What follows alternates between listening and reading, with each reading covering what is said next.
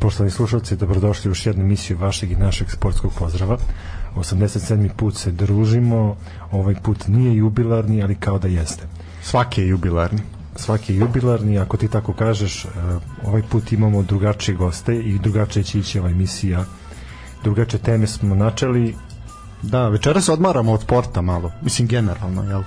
Trebali smo da odemo na godišnje, ali nismo otišli na godišnje, pošto smo mi vredni, ne kao predsednika, ali vredni, ovaj, i onda njegovim stopama danas ćemo malo odmoriti od sporta, nego ćemo pričati o nekim drugim stvarima. Ali Lukić Moram da kažem, pre nego što krenemo ovu... Proveče svima. Danje, Danje Lukić je Danje. Njemu se Danas me smrkla. jebala, Ceo dan danas me zajebala i samo si mi još ti falio. Ajde. Gotovo, pukla je odmah. To je to, volim. Kad se posvađamo u trećem minutu emisije. Ne, ovo je bilo baš nekako neprofesionalno, ali da kažem da smo U našem stilu. Imali smo dosta komentara vezano za prošlu emisiju u kojoj smo se bazirali na muzičko-estradni blok i na sve zvezde, sve znam produkcije.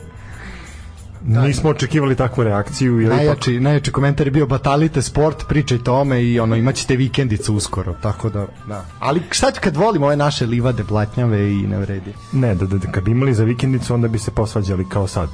A misliš da bi, pa to seme razdora bi nastalo kad bi došli do para, ovako dogod je džabe, odnosno u minusu, onda je super. E, kad smo kod minusa, opet smo u minusu 200 E, dinara. I vi, izvini, Koliko koliko blic si- žena I 80. bliže nas, znači 280 dinara smo u A minusu. ne računamo ovo što ćemo popiti, to ne računamo. Ne, to, to ide na, na reprezentaciju. Jel, da, na, na, Na preduzeće. da, na rep staciju, što bi rekli ovi na, na RTS-u. Ne, tačno znam, reprezentacija se zna kako se naziva naš nacionalni tim, a reprezentacija je ono što mi potrošimo kada nam dođu gosti. A mi smo danas uspeli da potrošimo 280 dinara na 80 blic žena i 200 album sa sličicama gde nismo dobili sličice. Da, sramota, ono, znači, bože, sačuje Panini ili Tops, kogo ti je štampa, makar pet sličica, da ovi nisu dali ništa. Jak Da. sam razočaran. Pa, n- eto, ja isto, ono, kao, bar sam očekivao tih pet sličica da imam šta da ližem. Katastrofa. Elem, ajmo predstaviti goste dok oni otišli u pogrešnom smeru. O, jer je već ono u jednosmernoj ulici nizbrdo. E, da, e, kako bi njih mogli predstaviti? E, sad morali smo da Lukića privučemo svakako iako je danas radi da bi nas ipak bilo više pošto ne znamo da li ćemo uspeti da budemo bolji pa ajde makar da nas bude više da idemo na kvantitet ako ne na kvalitet e, njih dve su zabavne, duhovite, šarmantne njih dve su žene sa levice to su Ivana i Milena dobar dan ili dobro večer Ovaj, Dobar dan, dobar dan. E, ajde još jedan put samo da čujemo to, taj sportski pozdrav zdravo, samo da vidimo da li se dobro čujete. Slobodno još jedan put. Zdravo! To je to, to je to. Ja se čuje? Sad se čuje. Moramo da budemo glasni, samo sam ja malo promukla od tona. Da, Ali, ali ovaj, proći će. da, sad ćemo to, ono, Sve je to zbog lošeg vina. Sve to. Da, čekaj, to je je bijelo zašto dugme. Zapravo. I Čolić je obradio, ima svoju pesmu. Da, Volim da. Čolića, ali Bebekova je bolja. Da. A Jujka, ne, da je nešto bebekovo bolje, E, dobro. zapravo ovo jeste. Pa jeste, da. Nevjerojatno. Dobro. A eto, neko ide na čoli. Šta si ti, Stefane, radio prošle nedelje kad smo kod toga? Pa ovako, prvo bih hteo da se zahvalim ljudima koji su omogućili da u petak održimo naš team building bez stanje. Bio je muški team building, imali smo Odmah su Da. Boga, isključili ženu. pa da, Nije devojka odmah. sprema ispite da bi nešto od nje bilo u životu, da ne bi radila ovde s nama, bolje da nešto uradi. imali smo team building i moram da kažem da je team building ispao stvarno dobar. Ovaj, u duhu naše železnice, pojeli smo sokova, jednog velikog sokola smo pojeli, da. Ovaj, pa dobro, i tu smo došli na genijalne ideje kako da ovaj kako u narednom periodu da ova emisija ide još brže, bolje i jače. Za našu decu. Eto, svakako imali smo to priliku da se družimo sva četvorica, videli smo i našeg dragog uvaženog prijatelja Tozu. Živ je to za umro nije dok je srpstva i Srbije, neće se predati. Da, nadamo se da Reše ćemo ga, veterničku rampu. nadamo se da ćemo ga videti ovaj uskoro, tačnije čuti uskoro u emisiji. Zaista ga dugo nije bilo, ali možda ga eto nadolazeće ovaj prvenstvo Srbije primam ili Evroliga koja se eto vraća i u A to su je stvarno lepo čuti, moram da naglasim. Pa jeste. Da. Posle onog team buildinga. Mnogo lepše čuti nego videti u To, svakom to, slučaju. to za ja mislim koga jednom čuje mora da ga sluša u Znaš kontinuitetu. kakav, Ja ne znam kako znaš naši Da. kakav fan klub, znaš kakav fan klub ima Toza.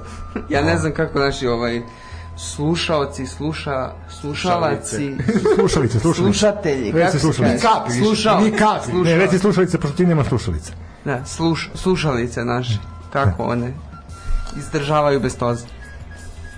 Najviše, znaš ko se raduje tozi? Mislim što nema toze najviše. Mi, zato što mi pojedemo ovo slatko što bi trebalo, da, na onda da. pojede, da. To. Toza je čuven po svom kapacitetu za jelo. Elem. Ovaj, idemo, idemo, ovaj, ajde ukratko prvo da sad kao, ajde dosta smo mi sad tu se ovaj, glupirali. Pa, ja, Da, da, super, njima je zabavno, oni se smeju konstantno. Ovaj, Uh, vaša emisija se zove Ako ja ne grešim, kad mi dođemo na vlast tako, tako?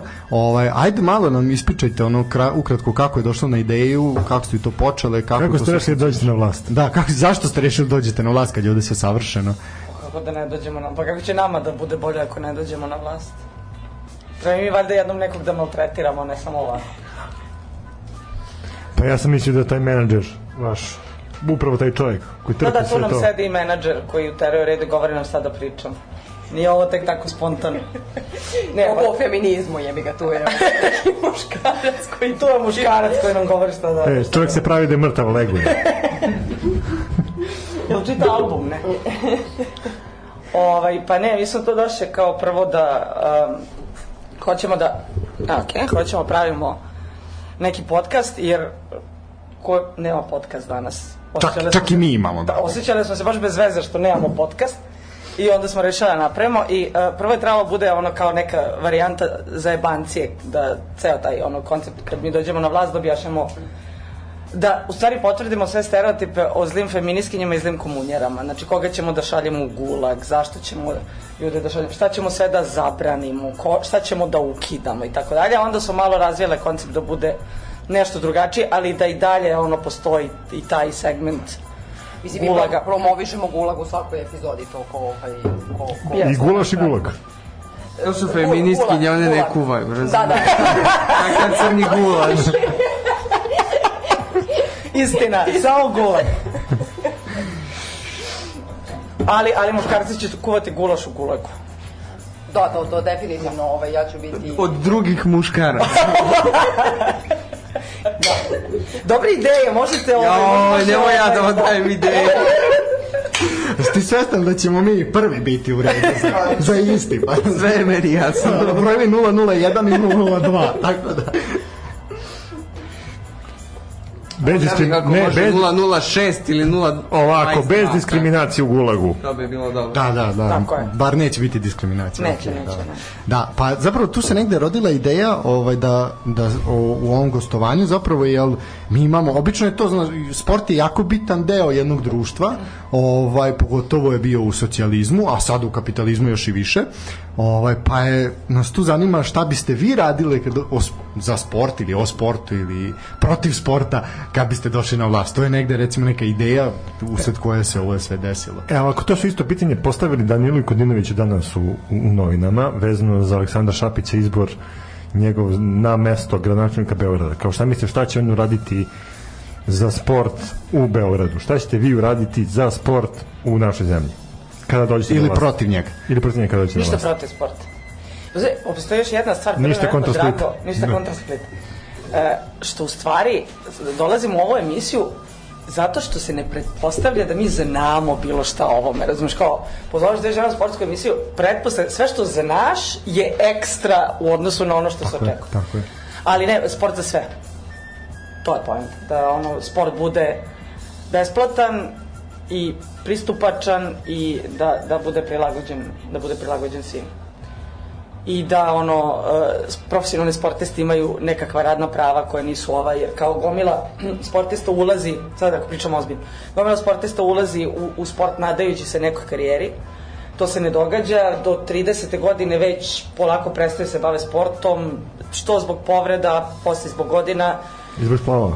Hm? Splavova je. Splavo. i zbog spla, ima svačeg. Ima i belog, ima ono koje čega, I žutog. ima i žutog. Ali onda prosto posle uh, nemaju šta da rade, ne, zna- ne, nisu kvalifikovani za bilo šta, nemaju čega da žive i mislim da to ono, profesionalni sport ovima bude jako gadna stvar zato što 99% ljudi u njemu ne uspe, a ulože jako puno truda u to. Pa da, i ukinućemo recimo ovaj, one merenje u sekundama, sve te kamere i to, nego treba bude, brate, jedna relaksirana igra, znači meni je okej to takmičenje. Trči nemojte- kako ko stigne. Trči kako ko stigne. Ko prođe Nema go. liniju, nema, brate, znači... Ko skupi Malo. više cvetića? malo mora anarhiju ko da se ubaci. Ja mislim ovaj, da bi ljudi uopšte... Znači, vraćaju se tvoje stare anarhističke tendencije. Pa ja, ja, sam, ja sam obećavala ovaj, da, da, da mi imamo, kako smo rekli, ovaj, liberalna, malograđanska skretanja i ovaj, šta Tako je. smo, šta smo I rekli? socijaldemokratska I skretanja. socijaldemokratska skretanja. Ne, šalim se, ja sam imala priliku da radim, ovaj, da predajem e, jedno vreme na fakultetu za sport, pa sam baš predavala svim tim klincima koje si pomenula, koji su se nekada nadali e, karijeri i ogromnim nekim parama. Tu stvarno ima jako malo sporta. Mislim, ono što sam ja makar iskusila, oni su svi poraženi potpuno, e, dolaze besni na fakultet da bi se bavili jednog dana nekom rekreacijom koja se ono smatra ka, kao ne znam ja, to je baš ono, baš si kao luzer ako se time baviš. I ako upišeš div. Šta šta, da, Kažem da si luzer ako upišeš div. pa da, da, kao, k- k- ono, sleduje ti karijera nastavnika fizičkog ili nekog, ono, trenera, ne znam, u teretani, Fitness centru, da. centru i tako dalje, ovaj, i to je baš onako... Ali imalo pazi, tu- ti možeš da postaneš e, influencer, youtuber. E, to je bilo pre, pre, Da. pre, Pre ovog pojave vremena Instagrama. podcastovanja, Pre pojave da, da, da, Instagrama. da, da, da. Tako da se tada nije nazirala ta mogućnost, ali ovaj, da, eto, moj utisak isto bio ovaj, veš, ali da, to, da tu nema sporta, da više ima roditeljskih ambicija, karijerizma, kinte i tako dalje.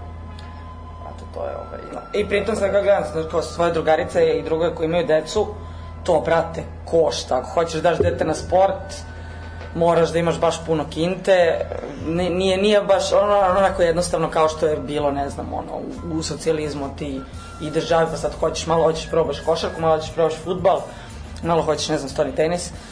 Ovaj, nego baš košta i, ovaj, i to mora da se promeni. ako hoćeš. Da, mi smo imali ovde za gosta, dva put nam je bio naš drugar, Vladan gost koji je trener u hokej klubu Vojvodina, gde je on rekao da otprilike za dete treba jedno 500 eura ovaj, da bi se dete bavilo hokejem koji je prelep sport i prezanimljiv i sve je to super i o, fantastičan za razvoj i tela i duha i svega, ali je i skup.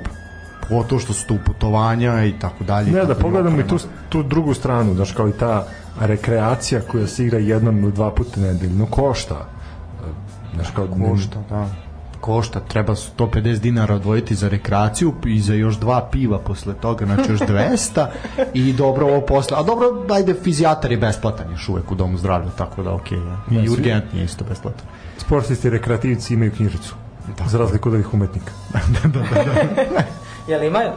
Pa imaju, evo, i mi smo imali priliku na, na tom, toj rekreaciji koju mi igramo. Više puta. Više, pu- više puta se dešavalo da neko od nas završi u Urgentno, hitnoj ili urgentno. Da. Kojom se rekreacijom bavite?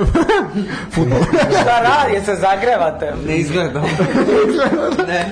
ne, ovaj, nije to nije do rekreacije, nego do onih do, koji se bave rekreacijom, tu je problem, pošto ne znaju da trče. tu, tu nastaje problematika. Masa put ubrzanje.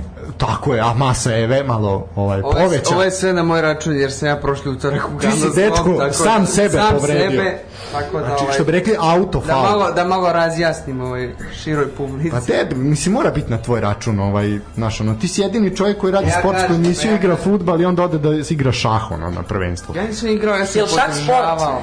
Jeste. Ne. Ne, slažem. Ne, ne, ne, ne, ne mi imamo da, teoriju... Postoji liga u šahu. Ne, mi... Pa postoji u pločanju! Postoji pet liga u šahu. Ja ne znam šta ste se vi navrli. Mi imamo teoriju... I još dovedete dve žene da, da, da me ovde o šahu zezaju. Aj molim da. Znači, next question, ajde. U momentima kada nas je bilo trojica pravih, imali smo teoriju da sport... Pravih. Imali smo teoriju da da sport delimo Ženu, ne mogu da te slušam. da sport Da, ima, delimo vidio sam na one recepte, ovo je zanimljivo. koji imaju kontakt i oni koji nemaju kontakt. Pa zapravo I da ja nismo- i delim isto E, na to, I da da. te sportove koji nemaju kontakt e, odbacimo od ovih sportova pravi. E, tu već ne mogu da se slažem, zato što ja trenirala stoni tenis, koji je e, kontakt, sport bez kontakta, ali jeste pravi sport. Ali ima moja baba isto tu teoriju, ona ne voli recimo ovaj, e, sportove sa kontaktom da gleda, to je sve odvratno, ali jako prati tenis. E, Po toj našoj, pravi, a po toj šta, ja našoj sam- teoriji šah nije sport onda. Ali čekaj, čekaj, čekaj, ja sam se baš bavila kontaktnim sportom, baš se, ja sam se bavila borilačkim veštinama 10 godina. I, ali nikad nisam volila da to gledam. Tako da je meni to, ta podela kao šta voliš da gledaš, to mi je potpuno jedno. Znači, meni je to isto više kao uh, želim da učestvujem, želim da se bavim nečima, ne da ne da gledam, što kaže ovaj, to je degenerisani kapitalistički spektakl. Da, a evo imate čoveka ovde koji se bavio košarkom, a pogleda ove godine koliko? Dve košarke Dve utakmice, da. Znači jednostavno, da, gledati i igrati nije isto svakako. Ne, znaš, uvek sam više volao da pipam nego da gledam. Isuse, Strašno. Koji dan danas je ponedeljak? Da je sreda, pa jaj, pa da ti čovjek oprosti. A ponedeljkom, ono... A dobro, najtužniji hrišćanski... Sredom se posti, ne smije pogani se. Pa je se ponedeljkom... Po... Ne. Da, nije on hrišćan. Ne, posti se ponedeljak. Ne, danas je najtužniji hrišćanski praznik, to je ponedeljak. Petak je najradosnija, a sreda je, jel, za te bludne radnje. Tako bar Ajmo, meni. ajmo dalje. Ajmo da, da, dobro, ovaj. Kad smo kod, spomenuo si novo izabranog gradonačelnika, 68. ja mislim po redu, ako Mislim ne da je grešim, to, da. Mada i ono nije bitna. drago mi je da i oni Šapića zovu gradonačelnik. A dobro, Pa ne, mi ga obično zovemo Gangula. da, da, da, to je, to je ovo. Ne mislim kao gradonačelnika Beograda. Pa zato što našeg zovemo pogrebno. Ove, elem, e, on je napravio ovaj, već nekoliko puta skandal u, sv u svom klubu, da tako kažem, a to je svakako njegov projekat, da li je njegov klub pitanje, to je Vaterpolo klub Novi Beograd, koji je to, gle čuda, i što bi rekao Dule Vujošić, ako negde još uvek ima pravde na ovom svetu, to ponekad se desi u sportu, a oni su eto izgubili to finale Lige šampiona koje se igralo upravo u Beogradu. Elem, e, šta Čekaj, se desilo? stani, kak si onda patriot ako nisi navio u tom finalu za, za Pa naša nisam, predstavnika? pa nisam zato što I to za Vojvođan. Baš zato što sam, baš zato što sam ovaj patriota nisam navijao, znaš, tu je, tu je forica, ali nema veze. Elem, šta se desilo? Uh, Igor Milanović je uh, bio trener, to znamo najbolji naš vaterpolista, najbolji svetski vaterpolista svih, svih vremena i jednostavno čovek je uh, hteo da zadrži neki autoritet koji zaista i posjeduje i, i izbacio je Šapića sa treninga, nećeš mi se ti mešati u to kako ću ja voditi trening i elem šta se desilo, uh, odmah je dobio automatski otkaz i on i Vlada Vujasinović koji je isto naš proslavljeni reprezentativac i tako dalje i tako dalje. Ovaj da eto, ali kažem opet uspeh ne dolazi preko noći. Aleksandre Šapiću, možda si preko noći postao gradonačelnik, ali nisi uzeo ligu šampiona. Elem kako vi gledate na izabran na novog gradonačelnika? na biranje, izabranje. Kako? E pa pazi, obećao je ovaj, da će biti besplatni svi bazeni u, u, u Beogradu, će kao moći se... Pa eto, e, mi smo to imali pre Beograda. Mi smo to imali, Jel da, jest? da, ja smo sad, ovo je bilo je par, koliko je bilo, pola godine smo. Tako je, da. Pola godina. Pa jesu bio Spence besplatan, ali bio besplatan zašto su popucale nove pločice koje su nameštene. Re, e, iskreno, meni će nedostajati ovaj, odlazeći gradski menadžer, odnosno zamenik predsednika Beograda, ovaj će možda dati ovaj, besplatne bazene, ali Vesić je pio vodu iz bazena. Da, da.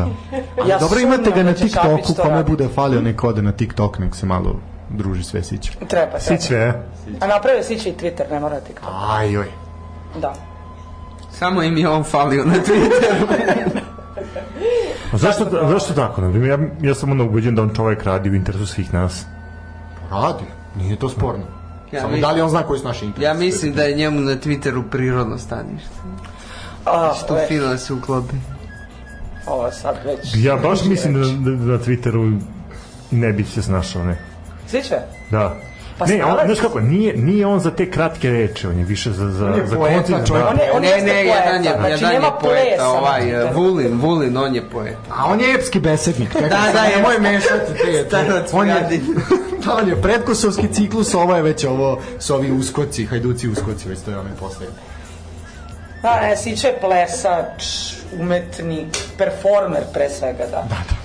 A Šapić, Šapić ne znam, mislim, kao, šta, šta očekivati od Šapića? Kao, ne, ne, ne bih znala, ali bio je odličan vaterpolist. Dobro, niko, niko ne spori njegova sportska umeća, ali gledamo to da on se više spominje kao političar i kao funkcioner nego kao bivši sportista i bivši veterpolista. Da li se zaboravilo? A jeste, zaboravilo se da je bio već sportista, da sad je ipak toliko dugo već u...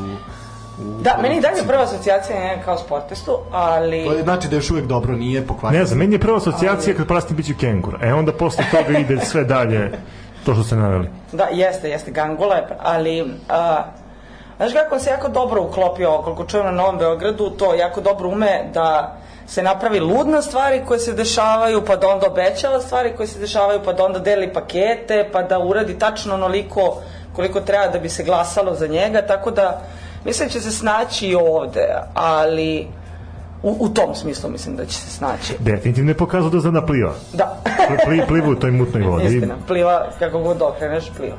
A često bude voda u našim bazenima i žuta. Pa neka Tako čak da- zna i da, ra- da zaroni onako. Pa da.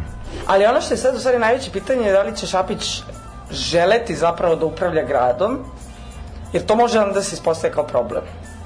Zašto? Pa zato što ima drugih ljudi koji zapravo hoće da upravljaju gradom, a da ono... Ovaj, A mislite na Radojičića? Da. Radojičić, ovaj, Radojičić siva eminencija grada Beograda, ali i šire. Da li je čoveku neko rekao da on nije više gradonačelnik? Mislim da on još uvijek to nije ni saznao. no nisam ni da je bio. da, da, dobro. A dobro vidi, mislim, pazi, praviti kućice za ptice, to je potrebno ti jedan mir, onako jedna opuštena atmosfera, da isključiš... A zamisli sad, radio sad samo njega muzika. da traži novi posao i sad on stavi u CV-u da je bio gradonačelnik Beograda i nikomu ne veruje. E, Da, to- kako će dokazati? Kako će Nema dokazati? referencu, ono, treba mu preporuku. Pet osoba da potvrde. Išli smo jednom pre, da predamo neku, neki već ono, zahtev ovaj, gradu Beogradu pre, prošle, pretprošle godine, nešto vezi sa apotekama. I onda smo ušli, znaš, kao ideš tamo na pisarnicu i predaš nešto za gradonačelnika. I čovjek na pisarnici kaže, kao, znaš, ono, sasvim iskreno je, bigar, kao, tra... A, nasloviti na Gorana Vesića ipak je kao on.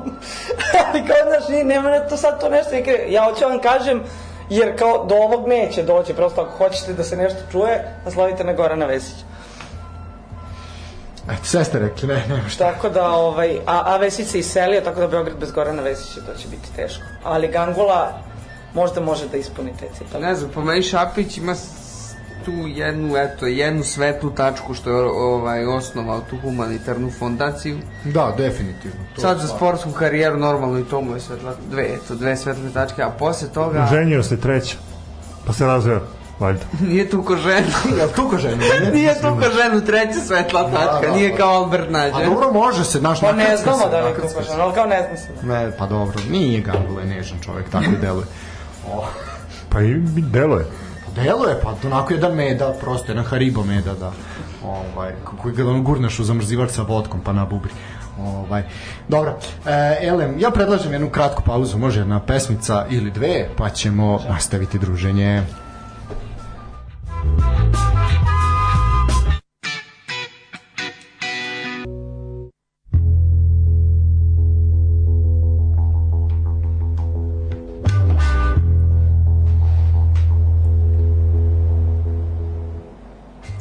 Evo nas ponovo vraćamo se u program sa našim dragim gostima i gošćama. A Lukića smatram što je gostom. Pa ne, menadžer je gost. Ne, ovo je bila provokacija, danas je Lukić na tapetu. Nemam komentar, nemam komentar. Nije se ni očekivalo. Ajde, izvoli. Pa eto, svakako nastavljamo razgovor u istom tonalitetu kao što smo i počeli. A, završilo se naše prvenstvo, završio se i Survivor. uda To, to, to. To je dobra tema. To je dobra. odlično svaka čast Da, svaka čast. Milica Dabović, ili ona, fe, ona nije feminiskinja, nije? Ne znam. Umesto toviran krst. Da li Ne, može biti ne. feministki nekoma krst toviran? Pa Ne znam sad, ne, nisam toliki stručnjak za feminiskinje.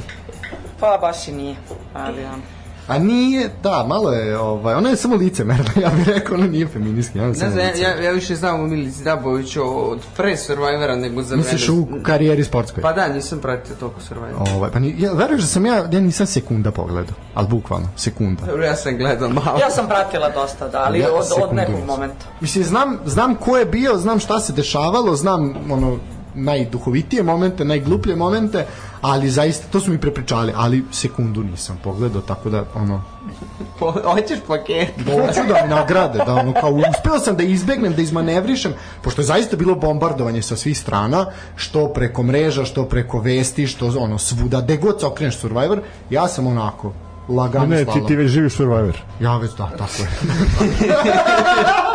da, sa platom medicinskog radnika u Srbiji definitivno je Survivor. A i vodiš na zimskim gumama. A nije. Nije, nije, prešao si na leti. E, Ja, što se auta tiče, jeste da vozim francusko auto, so, ali ovaj, zaista se vodi računa o tome, tako da nemoj. Ne, vozim bez kočnica, ali sa letom. To je to. da, ovaj... Kako ste vas dve doživjeli se naver? Kad smo kod toga. E pa ja volim da gledam gluposti. Ja, ja stvarno jako uživam u tome da gledam gluposti i onda mi je Survivor baš super legal. Kako onda ne gledaš Superligu Srbije? to, to ne treba, baš tolike, kao je prosto, imam granicu, imam granicu. Ne, bilo je zabavno, znaš, kao dobro je, jer ovaj, tako se uneseš, onda počneš da pričaš o tim ljudima kao da su ovaj, neki ljudi koje zapravo poznaš, onda počneš da mrziš Milicu Dabović, i to je to neko pravilo, a usput gledaš i te igre koje su zabavne, znaš, kao to jeste. Kao oni, e, i- igre su malo slične kao oni ninja ratnici, samo, ok, komentari nisu zabavni jer Boki Perić je izrazito dosadan, ali kao to ima... Recimo, recimo. Ali ima Da, to, kao, ima kao Perić je taj nizak- element, nizak znaš. drugar, ali ne veze. Da. Trač magazin i sport u jednom, što ne bi gledao Survivor. I još su u bikiniju svi. I Još su svi u bikini, Da. svi lepo izgledaju. Ali nisu svi sportski aktivni. Pa, n- e, ona... E, na mislim, primjer, o to- o tome se pričalo. Pričalo se o tom sportisti koji je završio DIF, jel tako, ako sam ja to ispratio. Ko je onaj ragbista? Pa Da, ali koji Jo, kako me on ovaj, nervira. ali koji kao n- n- nema tu kao sportski pokret, ne znam kako. Ne, jako je izgleda troll, to ali oživljava, ragbista, da. mislim, kao jeste ono čvar, ali ragbista i onda kao za te igre koje nešto treba se provlačiš, da ovo da ono prosto tromi lik. Pa dobro, nije mu u opisu radnog mesta. Da... Liči, liči malo kao Gangula Deva, tako, ima, ima to. Dobro, važno je dobro izgleda. Pa to je da se Ne. luče tečnosti, to je bilo najbitnije. mislim, svemu. Ali kako komentarišeš, ajde sad kao neko je gledao, taj dualnog voditelja što smo mi imali našeg, a, Hrvati njihovog, a zapravo pričaju isto, mislim. ono. E, Jako je bizarno, zato što kao samo se ovaj drugi u nekom momentu pojavi i stoji kao kip na, tu pored tih ljudi. Jako čudno to deluje. Ali još, još samo jedno, da, znači kao, sad oni nekog izbace, jel, ono, ugasemo onu vatru i ona izađe. I onda mora da se Jel oni to vrati da... dva po- put rade, da, to Da. je meni nije, oni kao dva Da, put i sve onda su rade. isto to, isto to, istu rečenicu kaže hrvatski voditelj, spusti ono kandilo, ugasi i doviđenja. Djelo. Znači, dva puta isto i ona kao dva puta otplače jer je... Da, to mi nije znaš kao kako se uzbudiš svaki put kad se, sve se događa dva put. Pa dobro, ne, ima ljudi koji se lako uzbude, mislim. Ja nemam pojma o čemu vi pričate. ja sam onaj klasični stereotip žena koja ne gleda sport, ali zato radi fitness kod kuće. Sa tegovima i to ono na strunjači. Ovaj, A ti onda to. gledaš one VHS kasete. E, e, e, ima sad, ja- ima sad Sanja Marinković. Ja, ja Jane- nisam Jane od onih što Fonda. prate. Jel to, jel to, jel to? Sve mi je. A da mi imamo toliko godina da je Jane Fonda već bila u penziji, ono kupo perisala kad smo... se mi Pa ako je rodili. VHS kaseta mora da bude Sa Jane. kukom. Pazi, to je, to, je, to je preteča svega, sada na YouTube-u može da se nađe bukvalno sve, sve ono. Ja u poslednje vreme ovaj, gledam da ispravim čukalj na desnoj nozi i mogu da se nađu tako dobri edukativni videi, na primjer Bob and Brad su najbolji fizioterapeuti na YouTube-u, stvarno. Eto, dok vi gledate Survivor, ja ispravih čukalj, pa vi vidite. A- a- Ajde me ovaj pusti link za te čuge. Treba, treba momo. Da, dobro, je, dobro, je, ne moraš. Treba mi za druga. Da, da, ne, nije, nije to zbog mene to. je. Č- čovjek koji je završio medicinski fakultet. Momo.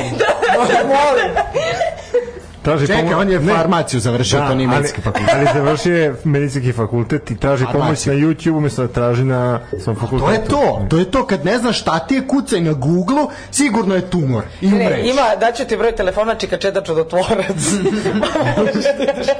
Ne, ne, ja, ovaj, što se tiče tih kao fizioterapeutskih povreda i slično, ja više verujem nekom, nekoj babi srbijanki koja Mislio sam namešta... da ćeš reći meni, ali dobro. Sad, pa to hoću da istaknem, da ti ne verujem ništa.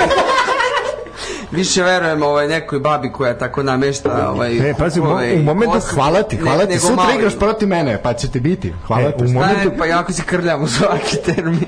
u momentu kada si se prošli put povredio, Stanislav je došao sa sprejem. Jel jeste? Sam izvadio svoj magični sprej za sportiste i odmah ti bilo bolje. Koji je to sprej? Pomogao mi. Zahvaljujem. E, Bio frizer. E, sad mo- Fizning Ice Point, ali ne veze. Možda si- Ne, Ice Point je sladoled u Karibiku, ne, promašiš nešto Ice, neki mini. Pa bio frizer. Možda, bio možda friz, si nemoj treba da ga, reklamirati. da ga poljubiš da prođe. Pa ajde, ubio sam, niste to vidio. Tamo gde ga boli. Ljubi tamo gde bližnjeg sunce. svoga. Pa naravno, to je to. A Ipak mi nismo možda, znaš kao, nismo verski ekstremisti, ali poštujemo. Ne kradi, ne moj poželeti tuđe, osim nije tuđa žena dobra, a dobro, tako da u suštini ono, poštujemo sve. Da, baba namešta kosti, top, bolje od malina definitivno. Pa ja nisam kostolomac, ja samo pritoči sa sprejem, poprskam i kažem možeš nastaviti ili nemoj nastaviti, to je moj posao. On ne lomi kosti, samo ključnu kost. Ja sam uključu kost da lomim kad lomim. Kome si slomio ključnu Pa je kost? on dečku na terminu, a ti nisi bio tu. Strik. Hvala Bogu nisam bio jer koliko mi ulećeš u noge to bi verovatno bio ja, tako da... Da, jednom smo imali okršaj gde sam ga bukvalno podigao od zemlje. Znači onako bilo je, i onda je udario u stativu. I ja Ja da- ne, sam ne, ja nisam udar, ja sam znao kako da padnem. čestite. Ja sam, ja sam pao tako da padnem ispred stative, ne u stativu. A nisi udario u stativu? Ne. Kako onda pomerio gol? Niko, nikom pomerio go. Kako nije bio gol izvaljen? Dečko ni ne znaš da se Ovo je udario. razgovor o futbolu. To je bio neki drugi termin onda.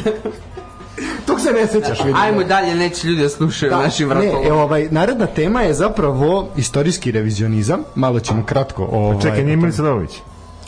Pa to smo absolvirali, Završili smo da ajde, na Milicu beže. Dabović. Kako, to ćemo kad dođemo do Blitz žene, vratit ćemo se na Milicu Dabović. Ovaj, naravna tema je istorijski revizionizam, ovaj, koji je prisutan kako u društvu, tako i u sportu, a najnoviji primer je možda i onako najjači udar na svako, jer svi smo mi ono negde u osmom razredu istorije, na času istorije učili da je najstariji klub na svetu koji?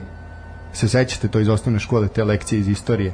Najstariji koji klub? Čega? Futbalski klub u, u, u, na svetu koji? Pa i ja Ja imam- Engleskoj, šta, Liverpool, ne? Ne, ne. Ja imam dve, A ja navijam za dve, te, Liverpool, ja imam pa dve teorije. Jed, Sheffield i jedna da je Not- Sheffield, druga da je futbolski klub Crvena zvezda. A da, njega je osnovao Sveti Sava. Da, a dobro, to sad, to, to je druga tema. Ovaj. Elem, idemo... je došao da Nije miri loš bio ako je da braću, naučio, donela i ne znam, lov. sveti Svaka čast, svaka čast. Ovaj, ne, da, znači Sheffield je taj Sheffield United koji već ne postoji dugo, dugo vremena, ali je Notts County... Notts County je prvi... Ne taj Sheffield, ne taj Futbolski Sheffield. klub. Ovaj, e sad, Notts County je prvi profesionalni futbalski klub I bratski klub sa... i bratski klub sa futbolskim klub Partizan, I sa tako je, i Juventusom. sa Juventusom, da. Elem, e, Kristalna palača ili ti futbolski klub Kristal Palas je ovaj e, skupio dokaze da su oni ipak stariji, tako što su jel, našli neke istorijske spise i neke dnevnike nekih ljudi koji su rekli da se na tom i tom mestu da je postojao pre 1860. godine isti takav klub sa istim takvim nazivom, do duše bio je amaterski i sa tim svedocima, bukvalno ono sa dva svedoka i overenom fotokopijom lične karte Futbalski savez Engleske da kažu da kažu da ovi procene jel, ko, je, ko je stariji, tako da eto tektonske promene moraće zavod da štampa nove udžbenike iz istorije. I morat će da snime ponovo English Game. Pa da, da, da, sad mora sve biti. Inače, English Game je serija koju su Britanci Netflix, da, odradili. kratka serija. Netflix Pogledajte. otkupio pravo na tu seriju koja se bavi prvim prvenstvom njihovim ovaj, futbolu. I prvim tim, Game. ono... Da, Da, jesu tako da English svaka Game. preporuka ovaj ono malo je tu tu nije baš uh, s obzirom da u kojim godinama se dešava ako niste gledali pogledajte iznerviraćete se sigurno ovaj jer naš kao baš nešto sumnjam da su 1850. godine žene baš bile tako ravnopravne s muškarcima da su sve mogle da im kažu i da baš onako su se pitale za sve i da ovaj batina ćeš Lukiću dobiti ovaj ne gnjavite tu limenku, evo ti nova popi, brate, bolje to nego. Iskulire, brate, popi pivo. Popi pivo. Ono Levembro, spali smo na najcrnje moguće, ono Merak je sledeća stanica. Uh, elem, da, Malo možda daju koji pa da, ljudi, aj nemojte strujemo. Ovaj, elem, da, tako da malo je tu, taj položaj žena baš nije verodostojno prikazan, ali za potrebe serije je, je sasvim okej. Elem, kako vi gledate na istorijski revizionizam, na to ko je 45. bio prvak u Srbiji i ostale stvari? Takođe, Pa, okej, meni je to, ono, pošto sam istoričarka, onda je tema kojom se se negde bavila.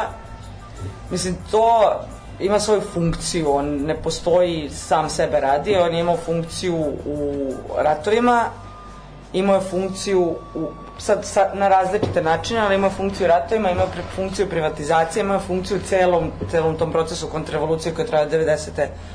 do danas. A, ali ono što, ono što je šokantno to je koliko se lako to ovaj, Kako da otvorim pivo? Šta me gledaš? Ja ne znam šta sam trebao onaj... Da, za limenke da otvaram pivo. To je poruka sponzora, poruka sponzora. Još jedan put hvala Heinekenu. Ajmo dalje. šta ih hvališ, lovem propijem. Pa što su nas ne, ali vodili? hvalim se čovjek, zahvaljujem se čovjek. Zato što su nas vodili u Beli dvor. Da dvor. mi kupujemo pivo sami. Pa dobro, vodili su nas u Beli dvor. Pa bilo je jedno ti si. Da, pa, da, da, pa ja sam. Pa, U Beli dvor. u Beli Ja dvor. znam da nas si ti nije popio za narednih 10 emisija mini iz... I za vas sam popio. Pa, z- dobro, ajde. bilo je dok... Hvala, Hajnike. Ajde, dok ne odu u stečaj je bilo. Elem, izvini, Milena, molim. sve, sve okej. A Ne, ovaj, u principu to kao je, je išlo postepeno, išlo je u fazama, ali posljednja faza je to ono što smo imali prošle godine za, za 9. maj, da se ljotićevske pesme ovaj, recituju na priredbi, na priredbi, nije priredbi, kako se zove, akademija. Za dan pobede. Priredbi, da. Za babi i Priredbi. deda, da. Ali prosto ono što se tu desilo je se samo ono zamaglilo sve. Ne misle svi da su, ne znam, četnici heroji, da je Nedić Odenić, ono, ali dovoljno sve zamagljeno da ti više, ako se ne baviš time, teško može da dođeš do toga šta se zapravo desilo. I ako se lako baci sumnja na sve, na sve što se iskaže. I jako je teško boriti se protiv toga. Ali to nije, kažem, ne, ne služi samo sebi, nije samo sebi svrha, ono ima druge društvene ciljeve.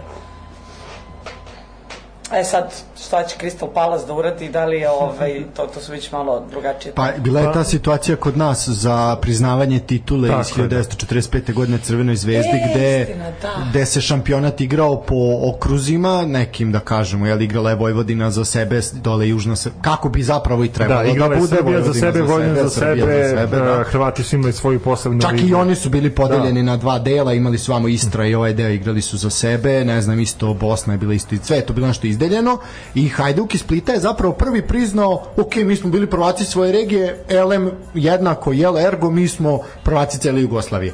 E, isto tako i Crvena zvezda, pokad mogu oni što ne bismo i mi. I onda se tu digla frka, pogotovo su se digli vojvođanski klubovi da čekajte, vi ste bili prvaci Južne Srbije. Znači, a Spartak je bio prvak okruga Vojvodine, što se to ispada, znači ne priznajete Vojvodinu kao kao državu, da. države, da. Samo nešto kukate. Da, da, da, pa tražimo pasoš da bude granica na naplatnoj rampi, ali ne da se. na gazeli. Na ga- Nemoj nam, zelo je već, opa, ovo ima teritorijalne pretenzije. Znaš, ono kao, ja, ja bi samo svoje, a ti bi tuđe. Ako može Pavlić, mogu i ja. A do Zemuna da dođemo, dobro. A gde je Zemun, tu je Novi Beograd. Pa da, O de. Zemunu možemo pregovaramo, Novi Beograd. A kao Zemun bi dali, znaš, Pa ono kao, evo Kao sad. Beograd, Zemun, brate, ali Novi Beograd teško. No, separatističko Ne, ne. preseravanje, ne u komentu. Pazi, da li bi Novi Beograd, pogotovo sad kad, kad krene gužva velika i beton i, i leto, e, to je možda moment kada treba da se ocepimo. Misliš E, da je Na, na leto, na leto. Jer A vidiš da su, evo, Jer ne pratimo. ja Prvo, prvo ne prate, broj dva, studenti se vrate svojim domovima, ljudi odu na odmor. Studentski grad se onda osvoji ovako. jel? Da, e, Da, da, da, da. Pa gde ste baš udarili na, na, na, Novi Beograd, da. pa to je ono... Pa nema Šapića, dole, nema pa Šapića da ga brani. čoveče, ono ko- našeg komunizma beogradskog i vi baš sad to. Ne, uzmite da. Možda- Zemun i srećite. Ze- oni da onako su nesrećni. ne, nema Šapića na Novom Beogradu. Da, sad neće biti Šapića, nema koga se plašimo, da. Tako, to je to, da. Ali čekaj, kad mi dođemo na vlast, šta misliš da... Nećemo vratiti. Da nećemo se boriti pogotovo za Novi Beograd. Pa ajde, daš, kao nama Batajnica, ono je Beograd, ono kao pošteno. Ok, ba, može. Pa, znaš ko živi u Batajnici? Mada ovo su uglavnom iza zatvorenih vrata dogovara, ali ajde, Ali može pazi, i u- pazi, Pa sad na da- Salvetu, čekaj, Da. dodam Salvetu ko da, Miloševića. Ja, Ja Ne, moram ne, samo... ovo je, e, znači, naša politika je transparentnost između ostalog. Tako da i ove... Pokazat ćemo i pregovore- da Da, Salvetu, nije problem, pokažeš se Ja Salvetu. moram samo da kažem da mi u tom slučaju dobijamo ovu elitu sa Bežanijske kose, Saša Popović, a, Keba... Da, Žanija je deo Novog Beograda. ali Pa da, ali možete dobit ćemo dobijete. to. Čekaj, čekaj, čekaj, Pregovorimo. polako da čujem samo što ima da Pa kažem. ne, to, su- to, to, to je... Stani, Pa, nemoj to da. čuti, stani. Upravo to je ova lita koju sad trenutno skupljamo, jer još uvek Topstar nije izbacio svoj album, Tops, da, nije izbacio album za svetsko prvenstvo, ne znam šta. Duše čekalo se da se znaju ko su svi učesnici. Tek se pre neki dan saznalo ko su sve reprezent- reprezentacije koje će učestvovati, tako da bit će uskoro. do tada mi skupljamo estradne zvezde. Inače, najavili sve su, zvezde. znaš koliko je cena će biti sličica? Pa, pretpostavljam negdje 1 evra, znači 120 dinara. A, verovali ne, e, prodajna cena u Americi će biti preko 2 dolara. Znači, nikad skuplja sličice futbalera, tako da onako poprilično smo razočarani, ali to... Ne, evo, eto, ti si rekao sad to, taj podatak vezan za, za Ameriku i za sličice kod njih, koliko bi kod nas to bio ono, sa tim nekim ekvivalentom i tim našim Će standardom. biti skuplje sličice ili litra benzina? A? Dobro pitanje, ali mislim... Benzin. Ja sam pre neki dan stao na pumpu i kao bahato za 2000. On svi po 10 litara i ovako. On kazaljka se malo samo naš kao trznula. Ja rekao, daj, zemo, nemoj zezati. Kao malo još nakapaj, razumeš, ono ko muškarac posle WC-a. Daj malo, još i stresi, druže. Kao me, šta je ovo? Strašno, bože, sačuvaj. Znači, ono, katastrofa. Nema pravde na ovom svetu. Nema, da, ono. Tačno ću početi kupujem sličice, ali neću, neću voziti. Neću ni da vozim, viš. Koliko koštaju sezon sličice? A, da 80 dinara kesa. Pa, to je narodski. Pa, ali s obzirom da to jeste narod tu prisutan, Tako je. Evo, hleb je negde oko 60-70 dinara, malo još dodaš. Koliko je lebac? Pa toliko. 70 dinara košta Pa da. hleb. Gde ovaj narod bre zašto ne izlazi na oružje i na ulice? 70 E, dinara košta hleb. Sve vidi se ne kupuje Pa je hleb. sad ovo, znači, Crystal Palace je uložio protestnu notu za svoje osnivanje. Britanci su se digli protiv cena. Dobro. Kod nas ništa.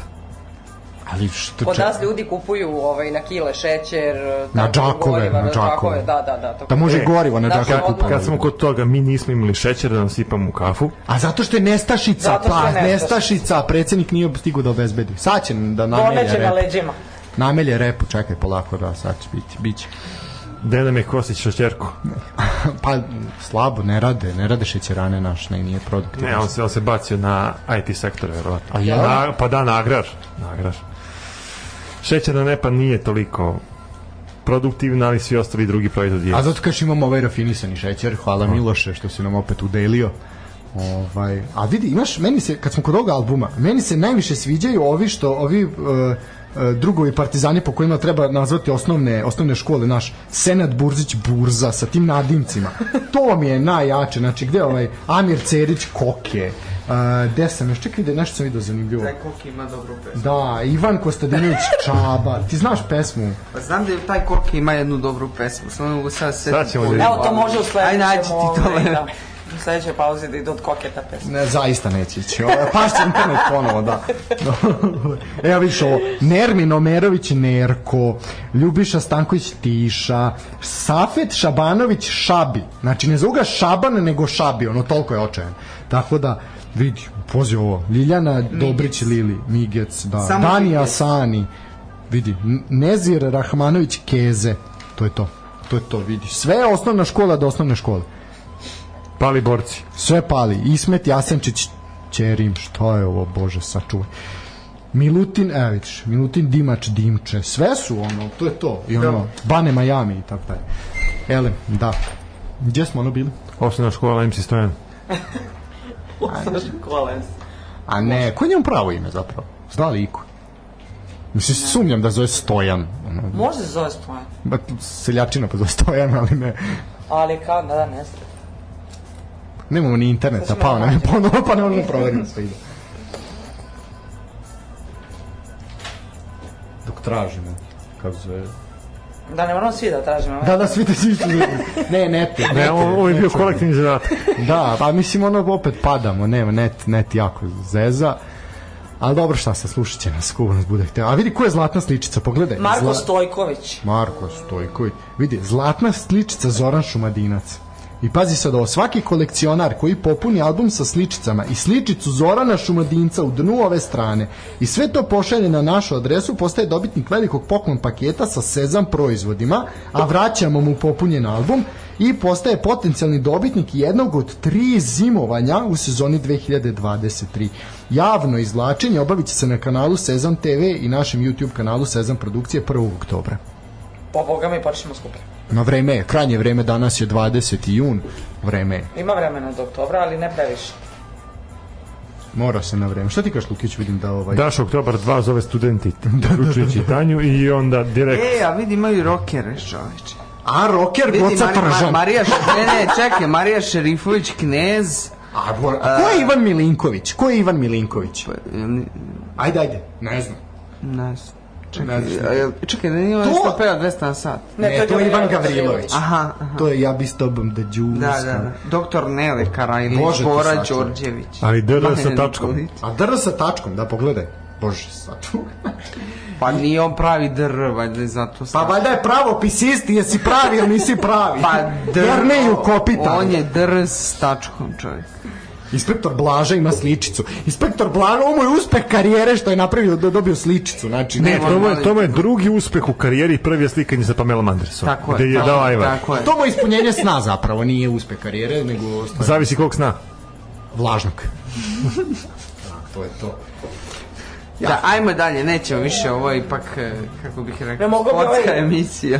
Ne, danas nismo sportski, danas se odmaramo. Da si došao na početak, čuo bi, ali pošto kasniš, tečko... Pa onda- od sporta jedno što imamo da kažemo jeste da je Nikola Jokić potvrdio svoje učešće na ovogodišnjem evropskom I prvenstvu. vidi, odma je narodu lakše što nema šećera. Odma je, znaš, to se zabori. Ma ne treba šećer, ne treba brašno, bele sijalice, to nam ništa ne Ali to treba. nije tačno, potreban je šećer za konje. E, to, tako Bravo, je. Tako je. bravo. Uzem je reči iz usta. Ko bili nije ovako. Ne, ver, ja nemam neki komentar, ali da. A jo, A zezam se bre, da. Pa Pa ne, ne, ali... ali- prenos, sad, viš koji je utice zapravo Nikole Jokića i ne samo što će mala deca iza, ono, iza zgrade bacati loptu u koš i vikati Jokić. Nego će ovaj, hraniti konje. Nego je Arena Sport prenosila sa hipodroma u Somboru trke prošli vikend. To je direktan uticaj e, Nikole je to Jokića. sport? Ajde da čujem Jeste sad. konjički sport. Šah nije. Šah nije sport, šah je disciplina. Ajmo dalje. Neš, neš se izvući. Ne mogu, Ne to, znači, ta, se ta sramota svađam će sad. ostati za... U, u, u konjičkom sportu džokej može da padne s konja da se povredi. U šahu ne može. Pa koliko je, ali onaj što je glumio Supermana, Može pao pa zlog se. da povredi. Može noka da pukne. Pa čekaj, sprd, ti se sprdaš. Ti se sprdaš, onaj glumio Supermana, pao s konja, ostao čak invalid. Ko? Pa što je glumio Supermana, onaj kako se zove, Christopher Reeve, nije Christopher Reeve, sam lupio sad. Stariji onaj Superman iz 8, vi ste stari, vi treba da se sećate, ono kad se bori protiv ćelovog vraća zemlju unazad. Kako može tako ženama reći? Dobro, oni su stari od nas, Još- neće, još- još ne meni- smo gledale za 1. januar, mi nismo ovaj. Šta bre, ko je? Kako se zove sta- onaj su, što je čovjek što glumio Supermana, pa je pao s konja, povredio se, posle glumio u kolicima. Glumio se ono- izmislio. Ne, majke, mi ono hororo je glumio kad pomera kolica gleda u, kroz prozor kako ubijaju ženu u drugom Moramo stanu. menadžera da pitamo, A, čekaj. taj film. a, Koji je to film? Kad gledam, znam... Christopher Reeve, ja mislim da je oček. Ko je pao Aj, s aj, konja? izgooglaj, znam taj Ne radi film. Čuo internet. sam za taj film. Imam ja internet u paketu. Sad čekaj. Sve u svemu, osim toga, uh, imamo još jednu jako bitnu informaciju. Crvena zvezda je osvojila KLS ligu i zvanično uspela da pretekne Partizan po broju osvojenih šampionskih titula. Uh, treći jako bitna informacija jeste da uh, se trenutno država Evropsko prvenstvo u Slovačkoj za mlade do 19 godina. Naša reprezentacija mlada je odigrala juče utakmicu sa selekcijom Izrela, sa njihovim vršnjacima i remizirala 2-2. Naši su uspeli u Čupavo, 90 čupavo bilo. u 92. minutu da postignu gol i da izjednače taj rezultat. Naredna utakmica igra se u sredu protiv Engleza. Pa ćemo vidjeti kako će naša mlada reprezentacija odigrati tu utakmicu. Da, ovaj bilo je bilo je gusto u 93. minutu je mladi Leković ovaj postigao pogodak i onda se jadan dečko rasplakao. ovaj što je, al baš on znaš kao to su klinci do 19 godina i ono kao oni su se toliko borili, toliko je sve ona vrućina tamo u Slovačkoj. Bože, saču igrali po nekom terminu ono u 4 poslepodne, bož, baš katastrofa. I jadni ono ovaj dao, oni su se svi rasplakali, ono, gledaš decu kako plaču. Ovaj zaista je onako baš je skoro kao kad Boba ono u boljem životu ode u vojsku krišom, otprilike tako tužan momenat. bio. Skoro kao ja kad deci poništim gol. Pa plaču. Ne, da zlotvore da to Smeje radiš. zbog E, Pa ovoga. ne, ne, sme, ne smejem se uopšte i dalje imam ovaj... E, ali mene zanima- Dalje imam traume. od Mene tog zanima da li momenta. su mali jevreji plakali kad su videli da naš postiže gol. Ne možeš izgovoriti rečenicu da li su mali jevreji plakali. A i to nego što bi plakali, mislim, ajde, šta sad igra se? Pa što je on plakao? Naš je plak od sreće. Pa, naš, Suze A radosnice. da, to je okej, a da, okej. Naš suze radosnice. Čovjek je pao na kolena. Nego i... ćemo osvojiti kate. Šta proceni? I zašto ne? I zašto ne? Ne, ovaj, ako Pixija ne budu dirali, a nadamo se da neće, sve je moguće. Što da ne, idemo jako navije. Loženje Da. je, loženje je ponovo jako na... Pa Jeste, na jeste. Svaki reprezentaciju. put. Svaki put. A ne, ne bih rekao, prošli put nije bilo. Prošli put nije bilo sa to za svetsko u Rusiji kad je ovaj smenjen pa Krstajić tako doveden preko veze. Ovaj zaista nije bilo, ali sad je poprilično žestoko loženje. Zapravo je Pixi pobudio te starije generacije, ovaj koje su malo ovaj izgubile Pix, veru. u Pix ovu iz Niša, ovaj je iz, iz Bijeljine, pa ono, kad, kad, znaš kao, kako da budeš srećen kad ti dolazi neko iz Bosne? Da, ono, da, pogotovo i što studiraju, znaš, ono kao manje mesta na mašinskom Za fakultetu. sve su krivi dođeš. da, da, da, da, klasična priča. Šalu na stranu, stvarno, ono, počelo je loženje, ali je pitanje stvarno da. u kom sastavu će naša reprezentacija otići u taj Katar i i kakvu ćemo formu da tempiramo. I hoće se pevati himna, to je bitno. Opet se po, po, postiče A što se- pitanje. To s tim pevanjem himne, molim te, znači, šta- šta ja sa ne mogu pevanjem da himne? shvatim ljude kojima smeta što neko ne peva himne. A, kao ko peva, ko ne peva, Opet, ono... Da, bio je momak, Momak ovaj, koji nije hteo. Da li nije hteo, nije želeo, ne, nije znao, ne, ne znamo. Klimao je glavom, sad verovatno u sebi pevao. Ovaj, I opet se pojela ta priča, bila je ta priča. I ne opet znam ga šta. ljudi pljuju i mislim stvarno ljudi daj ajde odrastite mislim svako ima pravo da veruje. Da ne peva himnu. veruje. Ne, svako ima pravo da ne peva himnu. Možda je pevao Hej svako- Sloveni. pa u okviru toga i da ne peva. E si ti pevao himnu kad smo bili na reprezentaciji? Jesam, ti si sedeo. Ja sam sedao. Ti si sedeo kad je išla himna. Da. Dečko, izađi napolje. Sram te bilo. Rasime Ljajiću ti li si. Zato što mi... te nije sramota. Čekaj, stani, znači opet se zalećeš Pusti ga da obrazloži. Ajde, Obrazloži. razloži ako možeš. da si- Stefan i ja danas smo izgleda predvideli da se međusobno razumeš. Da, gosti nam nisu ni trebali. Da.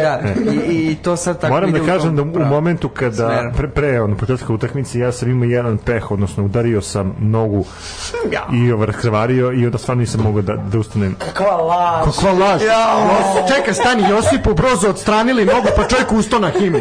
Nije E, da, nije ustao na himnu, njemu su ustajali. Pa dobro, ali bi ustao da je... Da je Neće da obrazloži, ajmo da. Da, dobro. Ovaj, u suštini opet se pojela ta priča kao pre par godina kad je bila ona cijela ta medijska pompa da Siniša Mihajlović zahteva da se peva, ko ne peva ne, neće igrati i tako dalje. I Čela mu keva. Da, da, otprilike, da, keva mu se kupa gola. ovaj, I sad, sad je opet se pojavio momak koji, eto, nije pevao i ono u krupnom planu. Prvo, najveći problem je tu šta ih snimate dok stoje u toj vrsti, ono nemoj snimati, snimaj stadion, snimaj ljude kako pevaju. Šta njih snimaš, razumeš, ono momak se koncentriše na utakmicu. Pri tome, dečko... Snimaj Tomu Nikolića kako maše šalom. Snimaj tomu kako Ili maš. Da. Kolindu kako skače u ono... A Kolinda i onda što kad pokisne u majici to. Nije, meni, je- meni je bio hit kad smo već kod Kolinde, kad je Kolinda po- poljubila pehara one.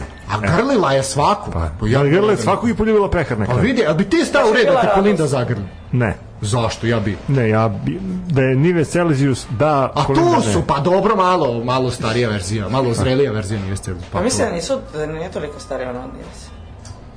što Stvar. Stvarno, pa ne, ga, ajde, možemo Ni- uglavnom, ni- ali... Nive se da- sportski Ajde, radi. googlamo, nije mi ja to radim, sad da je Da, ali na ovoj uh, inkognito, da. Ne, brate, na Instagramu je pratim, nije sramota, šta to mi je guilty pleasure, šta ja radim? Ne, Nive se sportska, sportska radnica. Pa jeste, održavala teren. Maksimir, Maksimir je zapamtio, da. Još uvijek A ne, je okej, okay, jest. Pa s- kako nije ljudi, ne, to je baš onako. Kad smo kod toga, Nije, ok, jeste starija da ste. pa dobro, ovo je baš bilo. A dobro, tu su. Mislim, volimo ih obe. nije- Ali dugo je tu Nives Celsius, zato sam mislila da je stariji. A dobro, rano je, rano je Rano, uplivalo, rano. da. Bila je talenat. Pa da, dokazala se Od na terenu. Da. peklića. Dokazala se na terenu kao jun. Da, dokazala se na terenu. Jako, jako strašno. Ovaj, kad smo kod toga, ja sad vidiš kako smo mi jedni ovaj, odvratni ljudi. Ovaj, i bio još nešto, ve, poslednja vest iz sporta, zapravo koja je onako najviše zatresla sportsku javnost, je svadba Ane Dabović, naše proslavljene košarkašice. I, tu I se- sestra od Milice, da. Sestre od Milice Dabović, da. ovaj. Čekaj, za, za, sad, Inače, sam Anu od toga Dabović ispao, ovaj, Su povezivali stoka, svoje vremeno za sa, Milan sa Silas. Đilasom. Tako. Bila je, da, ali ja vidim da se sad venčala za nekog vaterpolistu. E, i svuda nigde se neko, svaki naslov je bio uh, pogledajte lepog vaterpolistu Ane Dabović ili pogledajte za kakvog uh, lepotana se Ana Dabović znači nije baš je ono kao, obično to rade ženama znaš, obi- obično je pogledajte ženu futbalera pogledajte kako Pa, izgleda eto, a, konačno slikala se u kinu. obrnuto. konačno da nas objektivizuju i koje uopšte nije prijatno Znaš kao- Jel da? da, jako je odvratno, da, ono kao, ono kao bivši muž Goce Tržana, to, je- to mu je referenca u životu. Tako da je baš, baš, ovaj, baš jezivo, ali dobro, naš ljudi su kliknuli da vidimo kako izgleda ovaj, lepi vaterpolista i dobro, lepi je dečko, šta videli smo. Lepši od Đilas. Pa, Kliknuo dobro. si.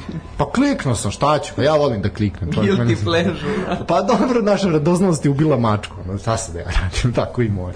Ovaj, Naš ima devet života. a? Naša mačka ima devet života. Imamo još i I mačiće, omačila. znači. Znači, da, postali smo ujaci, čoveče. Da, postali smo, Daško i Mlađa su postali roditelji, a mi smo onda ujaci. A, ili su i oni stri, ne znam, sa te rodbinske veze, ovaj, ono... Mislim, Znači, ako su roditelji, a mačke, ma... mm, Ne, oni su isto, oni su stričevi, mi smo ujaci, ajde recimo Moramo tako. doneti ove babinje. Na babine, šta su nositi mačke na babine, viskas? Pivo, samo da nije ovo lovim gol. Merak. Ne, mleko Mleko, 3,2%, pa pa naj, mleko. me, masnije moguće, da, da. Ja sam moju mačku za vikend hranio pogačicom s čvapcima. Tu sreću i radost To je ljudi da ste vi mačka, videli. to je mačka. Znaš kako se najela, znači vidi ono sve Mr- betonalizam. mrnđa. Znači vidi, ode pogačica s čvapcima kao ništa. Tako da, Aj, svog toga. aj zbog toga, da, šta ćeš? To je referenca na prigradsko naselje. Recimo, Futog je kao Batajnica Beograd. Recimo, to, to, to. Da bi, da bi shvatili ovi iz provincije. Je, jel odatle kutoški kupus? Da, da. Pa sam ti imao zove Futoške, onda je jelo. Dakle. Da, i mačke ovaj... Ma da ne bi, li jedu ne bi kupus me mačke? čudilo jedan dan da se Ne, od svane keva futovski sam hranio. kupus i da piše Made in Bangladesh, Vijetnam ili tako nešto. Pa da, pošto pa kad uvozimo beli luk iz ono Pa da. Koreje što ne bi ovo da iz Kazahstana i tako dalje. Što ne bi, što ne bi ovo. Ljudi, ja, meni je jako vruće, ja se jako žena je pusti jednu pesmu, pa ćemo se vratiti, onda ćemo Jel zapravo pričati. Kokija?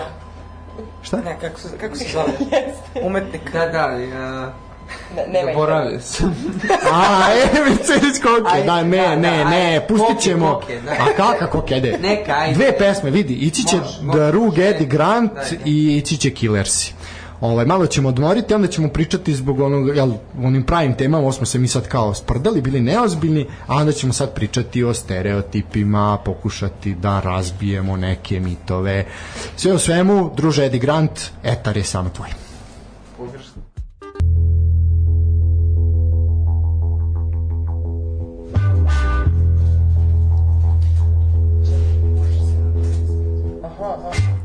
I evo nas ponovo vraćamo se u program. Nakon dve muzičke numere uspeli smo malo da konsolidujemo misli, pa se nadam da će ovaj treći... Da li, ove, da li naše misli zaista mogu da se Mogu, konsoliduje? mogu, mogu. Pa se nadam da će ovaj treći segment biti konstruktivniji za raspravu od ova dva. Vidi, mislim da smo, vidi, jedan od naš nekoliko postulata, post, ova emisija na, na, na tim postulatima je sagrađena.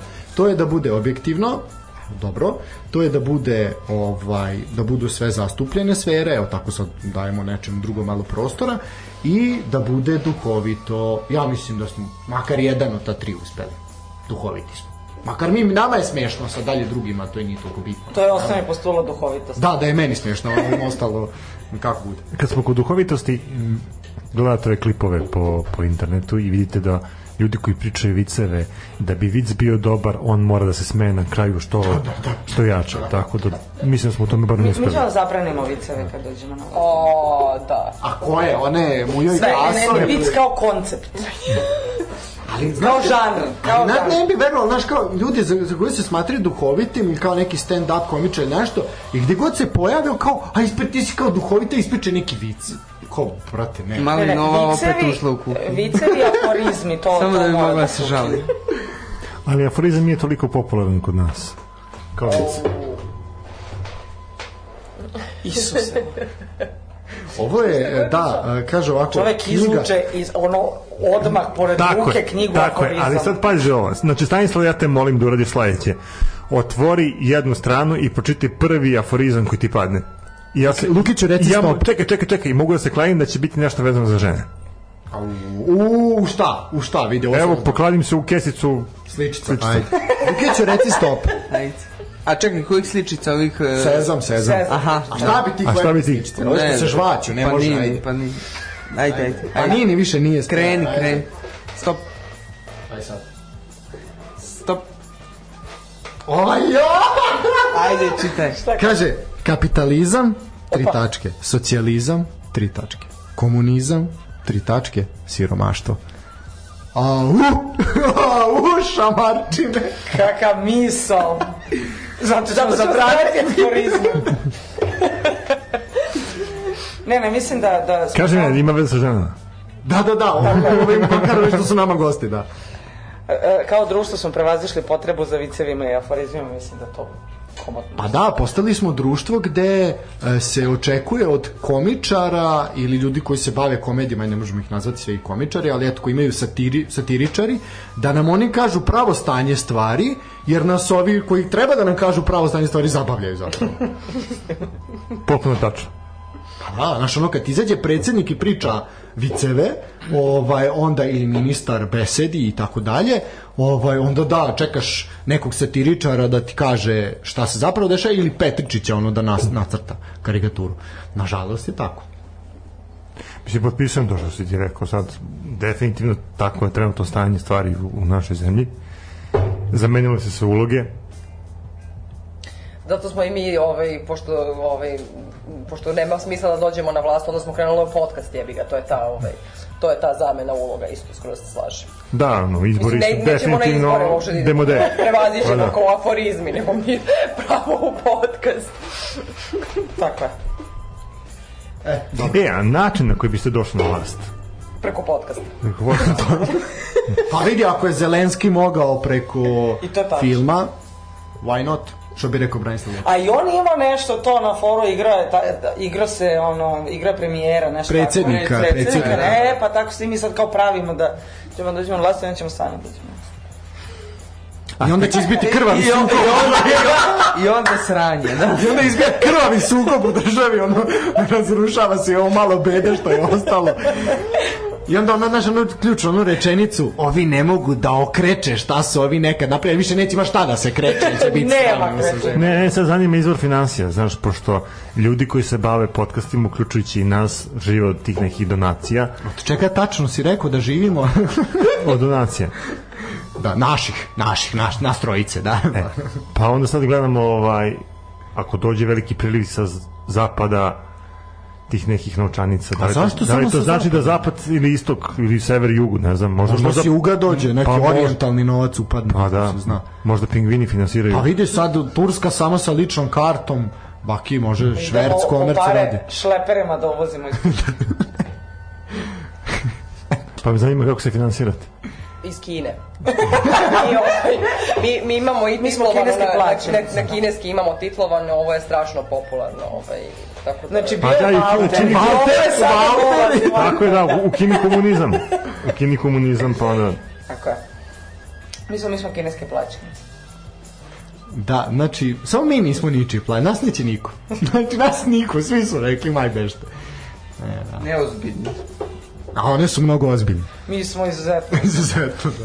Pazi, pazi. Deluju ozbiljno. Ako bi, ne, Dobro, mislim, ako bi nema- nas Druže, mi, Koliko ti povedi- ličiš na Radeta Bogdanovića, ko će vam dat pare? A ne, ali, brate, ali njega zovu na RTS sva, svako kolo. Tako. A, i priča o pornicima i crncima na RTS-u. a To svi vole da čuju, aman. Pa o tome i on priča. Da, da, da. da. Pa ne, ali mislim, šta mi Ne, smo, ne, ti- mi- ti mi ne se pričaš o bavimo crncima. politikom toliko. Ti ne pričaš o crncima, ali pričaš isto o tome. O čemu? Pa porniću, Oni uvesti- Kad sam pričao? pričao si. A, sad, to je... Nije vas Celsius, to je soft, soft core. Šta je tačno kod Nive Steza u soft? Dobro, jeste ona mekana, vjerojatno kad pipneš, ali ovaj, ali šta je tačno tu? Ono Nemam je pojma, baš hardcore. is- is- iskreno, od tinejdžerskih dana nisam toliki ste- stručnjak za... Za Nive Steza. Pa da. Vidim da Nives ovde baš ovaj, popularno, da. Da, pa i mi imamo našu kategorizaciju, ovaj, da. ono, Ne, imam, rang listu. imamo kao tu podelu između Nives i između uh, Lidije Bačić. U, Lidija Ne znam za Bačić. Lidija Bačić. Lidija Bačić je... Onako, Estradna umetnica. Jelena Rozga, porno Jelena Rozga. Čekaj, da vidimo, ko je Lidija Bačić? Joj, Ona je dečko. isto trebala da, bila je na audiciji valjda za magazin kod Tonče Huljića, onda je Tonče Huljić rekao ne mogu te, previše si dobra riba, ne mogu da, da te prihvatim. Ovo je ćeš kao ono Pa, Ako je poje. bolja riba od uh, Jelene Rozge, Jeste, onda... jeste. Porno verzija ove, A ali da, ne, ne radi net. ne radi ne džabe. Sve u svemu, zašto sam spomenuo Lidiju? Zato što je ona velika navijačica Hajduka iz Splita. Nives znamo da a, je purgerka, znači da je srce modro, možda i nešto drugo. Ovaj, svakako, Šta je njemu da ne? E, kada Ne, pričamo, možda kada pričamo o tim estradnim, estradnim e, hrvatskim umetnicima, manje više njih ono, upoređujemo, pa imamo taj fan klub kod nas, ovaj, Stanislav i ja vodimo bitku kome ćemo dati naš glas. Pa osim što navijamo za Hajduk iz Splita, ovaj, da. Ovaj, e sad jedno pitanje, kad dođete na vlast, šta ćete raditi sa klubovima, pre nego što uplujemo u temu stereotipa, šta ćete raditi sa klubovima koji su šurovali sa ovom vlasti? Će biti ko 45. gasimo sve koje je sarađivo sa... Nema što da gasimo. Će biti promene grba. Samo ovaj, to. čistke. E da, promene grba kao što je Promene grba, da. Kako gledate na promenu Mene grba? grba Partizana i Zvezda, bož sačuvaj. Da, pa postoji U, ozbiljna pa ima. inicijativa, A eto to opet bi se. ovo da Mi- mi- bude, mi- da bude e, kako se zovu, kokarda i četnik. Da, da, Miroljubova teorija. Da, ozbiljna, opet je, opet, mislim, to svake, svako leto, znaš, ono, prisjećamo se oluje i svako leto kreće tema da sklonimo petokraku sa partizanovog grba, ovaj, da, se stavi... Pa dobro, na, na, na ratku ovom u, u, u Njegoševoj ulici u Beogradu je uh, sa, sa kokardom grb partizana, to su grobari To su, napravili. a to nije kokarda, to je... To su- ne, da ne, ne, sa To je kokardom, sa Nemanjići, ovim, Orla Ne, Orla Orla Nemanjića. Orla- Nemanjića, da. Orla Nemanjića, da. Sa orlom, ali I nema kruna petokraku. gore, da, sa da. krunom, da, nema petokraku. Gde je to? Onaj čuveni mural Mladića u Njegoševoj. No, nisam obradila Da, to, je- to su ne, neki grobari radili, ali između ostalog nema petokrake, ono na... Tako je, to je taj nacionalistički grb partizana, da. Da, Sa ali ne krunom, mislim sa- neće, neće kao ko će to menjati. Mislim k- kao izgubili bi identitet je jako vezan za imena klubova, iako su kao navijači velikim delom antikomunisti, nacionalisti, navijaju za crveno, crveno zvezdu i partizan i jako sumnjam da bi se privikli i prihvatili da se ti klubovi zovu drugačije. Kakva god bile njihove ideološke pozicije, to je samo ono kao inicijativa nekog ono najdešnjeg krila nečega ko, ko, kojem to zapravo bitno. E, a mi smo imali ove... Nije jasno kako, šta, šta je... Ma ne, to je zapravo nije inicijativa. To postoje ljudi koji hoće da se zvezda zove kokarda. Ne, ne, a to, to je... Ne, ne, ne, ni- nije, to, Ne, to je nije sprdnja. sprdnja, to je sprdnja, da. E, z- Za prava inicijativa je bila predložena da to se da. Aha, zapravo aha. grb partizana promjena, će se sklone buktinje i da se skloni petokraka i da se stavi kruna i taj orao, orao Nemanjića ili da se vrati navijački grb iz 70 neke, onaj štit samo sa Partizan, crno-belim da. linijama, da, kao Popularan lopata. Popularna E, pa, lopata. da, to je već Da, moguće da, da. da. se dogodi, da. Mi ćemo zadržati ove koji su Naravno i da sada i ćemo. mislim mi u stvari promovišemo gulag, ja sam to tela kažem kao jedno humano rešenje, znači za sve ove ovaj, O čemu onda o gulagu? pa mora, Pa, moramo ko da, čemu mi o Nives Celsiusu, mi o Bulagu. moramo da objasnimo ljudima Ja da je mislim to, da je ovaj, naša ova... Pa išao bi ja sam to na jedno goli rešenje. otok. Ne, zato što je gulag, mislim, ljudi imaju stereotipe o gulagu, a kad smo već kod stereotipa. Ajde, Znači, povuklo je, e, konačno. gulag je, e, ima edukativnu ulogu. Znači, za razliku, gulag ima za cilj da e, E, da- te edukuje Pre- i pre- da ti postaneš ispravan. To ti je kao dva minuta u rukometu. Znaš, pošljete na Da. Razmisliš hlađenje. o svojim, na o hlađenje. svojim postupcima, da. Traje duže malo od dva minuta, mislim potrebno je nekad dosta 20 vremena. godina, da. Da, na primjer, Da. ali ovaj, mi, mi, mi u stvari e, do kraja dajemo šansu. Ali vidi, onda bi se Znači, sam tim doživotni pruge... gulag je do kra, doživotna šansa. Na ovom svetu. Na ovom. Tako je, da. Znači- Pošto nama nije bitan drugi svet, Da. mi smo za ovaj, ovaj, mislim, time se bavimo, to je, to je stvarno rešenje ovako, ovaj, suštinsko rešenje za sve probleme u svetu, društvene ove, tako da... A i brže E, bi se pruga A jel izgradila do biste, Subotice. ali ne biste pruga. pravili... Da, da. Čekaj, ima da postavim pitanje. Ali biste pravili VIP gulag? Nema li Nema VIP gulaga. Nema VIP gulag. tu E, smo pa onda ne bi ovako. gledao to. Znači, kod... A misliš Ne, da ne. napravi... E, pa vidiš, Znaš, možda kao, kao koncept Survivora velikog brata, da li postoji VIP gulag? Ne, to bi moglo Što bude bi? dobro, jer tako bi moglo da se finansira a, sistem gulaga.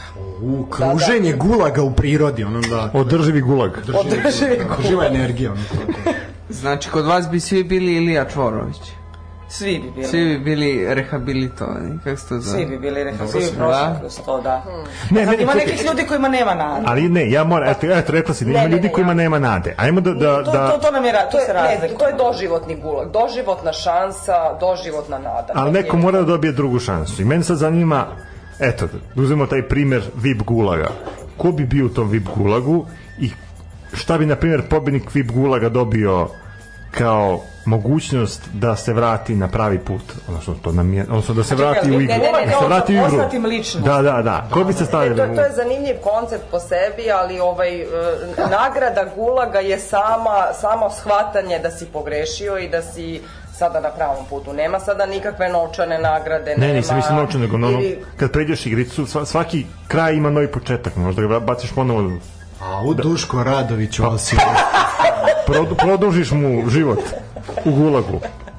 Ne, vidiš, što bi morali da različi, što bi mogla bude nagrada. Ali za VIP gulag, ne znam kako... ko- Teško bi bilo da neko... E, znam, stani sad. da neko prođe VIP Evo, mi, mi smo, radimo sportsku emisiju, možemo da To sigurno... se vidi Evo, iz recimo, priloženja da Zvezdan radimo. Terzić u- Da. u- Mo, mo, mo, Zvezdan Terzić istog sekunda mi... Ne, ne u gulag, nego da, znači, tužić, a ne sluša. evo, mo, evo, mogli da bi nam... Stanislav, vadi papir, pišemo VIP gulag. VIP sportski gulag. Ajde stavi, VIP Vi- sportski gulag. Sportski gulag. Da. Vi- Zvezdan Terzić bi Da, imao odeljenje E, za, posebno. zašto mi je ovo palo na pamet? Pre neki dan sam pročitao tekst da su... Izbegao bi on to opet. Čekaj, Lukiću, majko. Ne bi naš ne bi gulag verovao. izbegao zezan Terzić. Ne, hoću da kažem, počeo sam tekst koji mi je bio poprilično interesantan prošle nedelje, a bio je vezan za najveće sportske kretene. A nemoj, ne, ne, to I mislim da bi, eto, bi to bio ekvivalent ovaj, nekom VIP gulagu, da vidimo ko bi mogli da pošaljemo na to hlađenje. Ali, Pa, znaš možete koga, vi da samo... budete savjetnici za sport. E, Ja sportski možda, gulag, svakako. uuu, znači bit ćemo kao Vanja Udovičić, prilike. Tako je. Nemamo ta leđa, ali... Ne, nemamo vaterpolistu, ali Pa dobro, ne znam ni da plijamo baš, ali dobro, jebi ga. Ne, nešto bi mogli. Geronimo. Ovo- Ne, a dobro, ovo, Geronimo. ovo, ovo je u redu. Znači, to, super ste, vi glasat ćemo za vas, može, ako dobijemo ovo. Tako to je to. Evo, odmah E, smo ali mi Ti sve da meni Serdare, ja tebi transparentno. Vojvodo i to je. ali mi plaćate glas.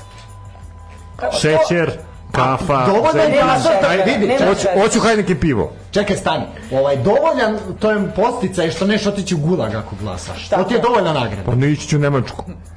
A, misliš da je tamo lepše? E, misliš da sunce nemačkog gulaga bolje sija nego ovo naše ovde? Kao što ide da u logor, ne u E, idi gulag. da idem na Bauštel u Nemačku. Ne, E, to su u Poljsku te prebaci to. da- ovaj, elem, ovaj, mi možemo sad ovaj, da se, a što se tiče sportskog, samo tu jednu rečenicu još, sportskog gulaga, definitivno ona blicova lista 50 najmoćnijih u državi u sportu, otprilike 35 je za gulag u tom naš Dijana Hrkalović, sportski ili politički? Politički, nema na vezu čota. politički nema na vezu sa sportom. A, Kakve veze ima? Ako nema veze, čoveče, Navijačima pa jedino. sa navijačima. Pa navijači nisu sport. A navijači Samo odavno daju su povezani sa sportom. Folklor. Da. Tom sportskom To događaju. je kulturno-umetničko društvo navijači, ono, da. Ovaj. kulturno-umetničko društvo grobari i deli. Ovaj. Pa da, pevaju pesmice, ko ono, tu mašu, to je sve, to, to, je- to je to. Ovaj, elem, ajmo u stereotipe. O, ti, otišla je emisija čoveče na, na Nivestelzius i na Sprdačinu. Ovaj, budemo malo ozbiljni. Kaže ovako, uh, Lukiću, molim te, sa blic ženom ulaziš mi u restriktivni prostor, malo se, čita horoskop čovjek. Bože, sačuvaj. Ovaj, e, šta će u horoskopu kad smo kod toga?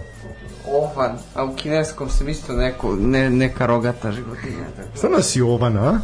Pa, ne, jagnje sam u kineskom. Tako da To postoji. Pa ja mislim da Ne postoji jagnje. Postoji, postoji to se isto, neko ne- sla. Postoje kao ovca ovan, nešto. Ima ovca. Samo možda. E, Da, ovca sam u kineskom.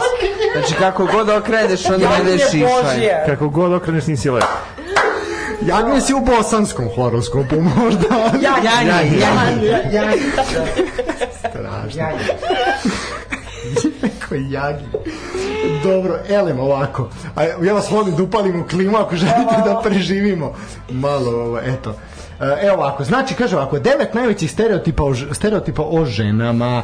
Kaže, žene se svakodnevno susreću s predrasudima vezanim za njihove sposobnosti ili karakter. Pa kaže, v- vjerovali ili ne, nema veze, neki muškaci još uvek misle da ne znamo same da promenimo sijalicu. To kaže ova autorka ovog teksta. Kaže ovako, pod broj 1, kaže, stereotip da žene ne podnose muška alkoholna pića. Pa šta su muška? Čekaj, Stanislave, moram ja da kažem nešto za, znaci za taj prvi da žene ne zna da promene sjelicu. To nije stereotip, to je samo dava, da dobro. Mislim da to može se slobodno i okarakteriše na, na mušku populaciju, pogotovo na, na ljude koji rade u ovom studiju. A to se prozivka Daška Mađa dva mesta nisu promenili Ja znam sjalicu. da- Tako je, Sjelicu. tako je. I onda smo na kraju mi došli na ideju da kupimo sjelicu naših sredstava i da je zamenimo. A to je bila igra živaca, ko će prvi popustiti, znaš, mi ili oni. Ne, mi smo stvarno radili emisiju u mraku. Mraku, bukvalno, da kao medijski mrak u Srbiji. Njima je bilo lakše jer oni ustanu ujutru i odrade uz dnevnu svetlost, a Šta onda je to mi... bio neka kao ko će promeniti sijalicu? Pa ne znam da li je to ko će bila igra prvo natezanja. popustiti? Ne, ne, oni ne, pa, oni ne pale svetlo, o tome se radi. Ali svakako bio je medijski mrak. E, sad sam stavio naočare, sad se vidimo, imamo i goste. Ovaj, da, ovako, znači, znači ne podnosimo, poznaćemo onda da muška alkoholna pića. A mene Kaže- zanima sad koja su to pića. Evo kaže, ima Vjerojatno objašnjenje, rakije. ima objašnjenje kaže. Kaže, mislite da volimo samo šarene koktele sa malim kišobranima i gomilom kockica leda za razređivanje alkohola? Ovaj to je to je stereotip. Jebala mi je majku s Martini Bianco. Da, da, da, da, da, da, što bi rekli u kenguru. Ovaj Kangula care. ja mislim ovo zap- baš je zastareo Angola i stereotip. Nive su u stvari uh, light motivi ove. To je tako A će se da, zvati. kao, kao Roma i Julija, Gangula i Nijes. da. Ovaj, e, mislim, ovo zapravo i nije istina zato što žene u posljednje vreme i vi, devojke i više pu- piju nego momci Tako u je. gradu. Pa i ja to. pijem pivo sam. Pa da, eto, to je to. Da li se pivo vodi kao muško piće? E pa verovatno. Nije baš ono. Mada sad kako su počela kraft piva, A šta je sa pivima s ukusom? A, U, to je, da. to su ženske. To su je, ženska to vrsta. su ženska pića, muškarcima guilty pleasure. gdje to, to je to. Nas je sramota da priznala To je- pivo krišnu slivu. Da, cirka. Ja, moj drugar je ovaj, otišao na prvi dejt sa, sa devojkom koja je isto meni drugarica i ovaj i ona je naručila crno pivo, on je naručio Somersby. I, i- i evo, oni su u vezi zajedno, ja ne znam, 7-8 godina i ovaj I raskinuli se zato. Ne, ne, i- ne, ne, i dalje su, ali hoću ja kažem, ako je on čovjek na prvom dejtu naručio Somersby, ona crno pivo. E, ali to dajte se šta stalno reći. postavljaju ta pitanja na, a, na Twitteru, recimo ima ta neka grupa, mi su tako jednu emisiju nazvali da li postoje muško-ženska prijateljstva. E, Da, Jedna od boljih, jedna od boljih. I zato ste nas izvali. Da. ovdje. Da, da, da, da. Jedno od tih pitanja je e, da li bi izašla sa muškarcem koji na dejtu naruči sok? Ali ako je taj muškarac vozač, A možda naruči, znaš, kiselo ili nešto. a kisele se nadimaš, onda posle podriguješ, razumeš? To To Pa nije... Pa nije dobro za dejt, to isto Pa je je. dobro. I možda ti Za padne ženu, pritisak od za kisela. muškarca još i... Muškarac može podriguje Da, na može, dejtu, može, šta da. pa to je. O, jo, Jeste vi muškarcima bili na dejtu? Ne, znaš kakav, ali ono, znaš, odvedeš je da se nakrkačite roštira i onda onako pod, podbodeš se, mm, što se podiže mešano meso, razumeš? Najodvratniji osjećaj na svetu. I samo, i samo da čuješ ovako... po- Podigne se od samo duvaži. Ne, ali ima taj jedan od tih e, stereotip, odnosno uverenja, jeste da e, žene ne prde, ne podriguju ništa, ne, A, djevojčice kake cveće. Znači, to moje razočarenje kad sam Ja to malo, pre, saznao. ja malo pre da podelim iskreno ovako da sam rešila problem čupljeva, ovi se presamitili, tu ne mogu da veruju. Marko je, Marko je pre neko već imao izjavu da, da nije mogu da veruje da, da, da žene prde dok se nije dok nije ušao u vezu sa svom devojkom. Nemoj mi praviti. Nemoj mi praviti probleme. sad ćete ubiti njegova da. Ne, kako to natušena fina dama, baš ono, baš devojčice koje kake cveće. Joj, šta mi uradi čovek? Sreća tvoja nema interneta pa ne sluša ovo, ovaj, tako da. Šta mi uradi? Jebote seci ovo pot. Ovo je teško. Ne, ajmo dalje, stereotip broj 2. Kaže ovako, e, sad, znači ja sve, sve to govorim iz ženskog lica, koliko to moj glasić to možda ne dočaravao. Kaže, ne znamo ništa o sportu i gledamo utakmice samo zbog zgodnih sportista. Kaže, Ovaj, ali to ovo isto vidi, ja garantujem da su žene koje zapravo prate sport i koje to zanima, koje nisu ove koje samo gledaju da neko trči s loptom ili iz tolerancija i kao pusti ga neko odgleda tih sati po vremena, su mnogo ono die hard fanovi nego muškarci, no ko mnogo su više u tome kao, jel, kao što žene i vole. da. Više se daju. Više, više se daju. Evo kao Dijana Hrkalović. Ja, Znaš ono kao potpuno je u tome da zaradi nanogicu zbog toga. Da? Toliko voli, da.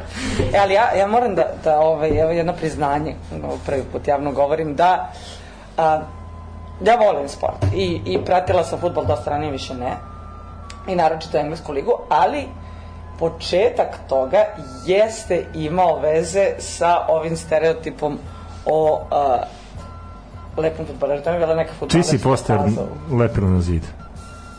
Ajde, reci. Nije sramota, reci Jeste, ali Nije, ne, ne verujem. Da li pored Nive Cezius može biti nešto više sramota na to? Ne, ja sam... Michael Owen. To je bilo Pa dobro, davno. on je bio Ja ja sam- frajer, da, ja- kao u mlađim jesam. danima, da, mislim. Jes, ja sam očekivao nekog tamnoptog igrača. Kako si ti žene prosto mladi čovjek? Ok, to, ali ne, ne, Michael Owen. Dobro, Michael, znači to je recimo negde, šta, kraj 90. i početak 2000. da, 2000, Ona je Michael Owen, a mi ćerku od Michael Owen. Pa da, istina, istina, da. Pa dobro, tu, s- tu smo generacijski jaz. To, To baš toliki ja. Ajde sad i ti. Sad si ga Aman stvarno... ubi žene. bre. pa tu je cilj, brate, sad misliš da... Čekaj, stani sad. Čekaj, ako uzvratimo, čekaj, ako oni nam uzvrate gostovanje, misliš da će nam biti lepo? onda će ti biti krivo, što nisi bio Znači ja ne idem na gostovanje. K- kad smo kod gostovanja, ja moram samo da kažem da nas, osim ekipe Uh, histerikala niko nije zvao u goste. E. I to kad su zvali mene u goste nisam se To proslavio. na prevaru su te... da- Da, em su mi na prevaru pozvali, em se nisam proslavio, su mi dali samo dva minuta Da, ovaj, tako. Pa zato mi dovlačimo ljude kod nas, jer nas niko neće zvati.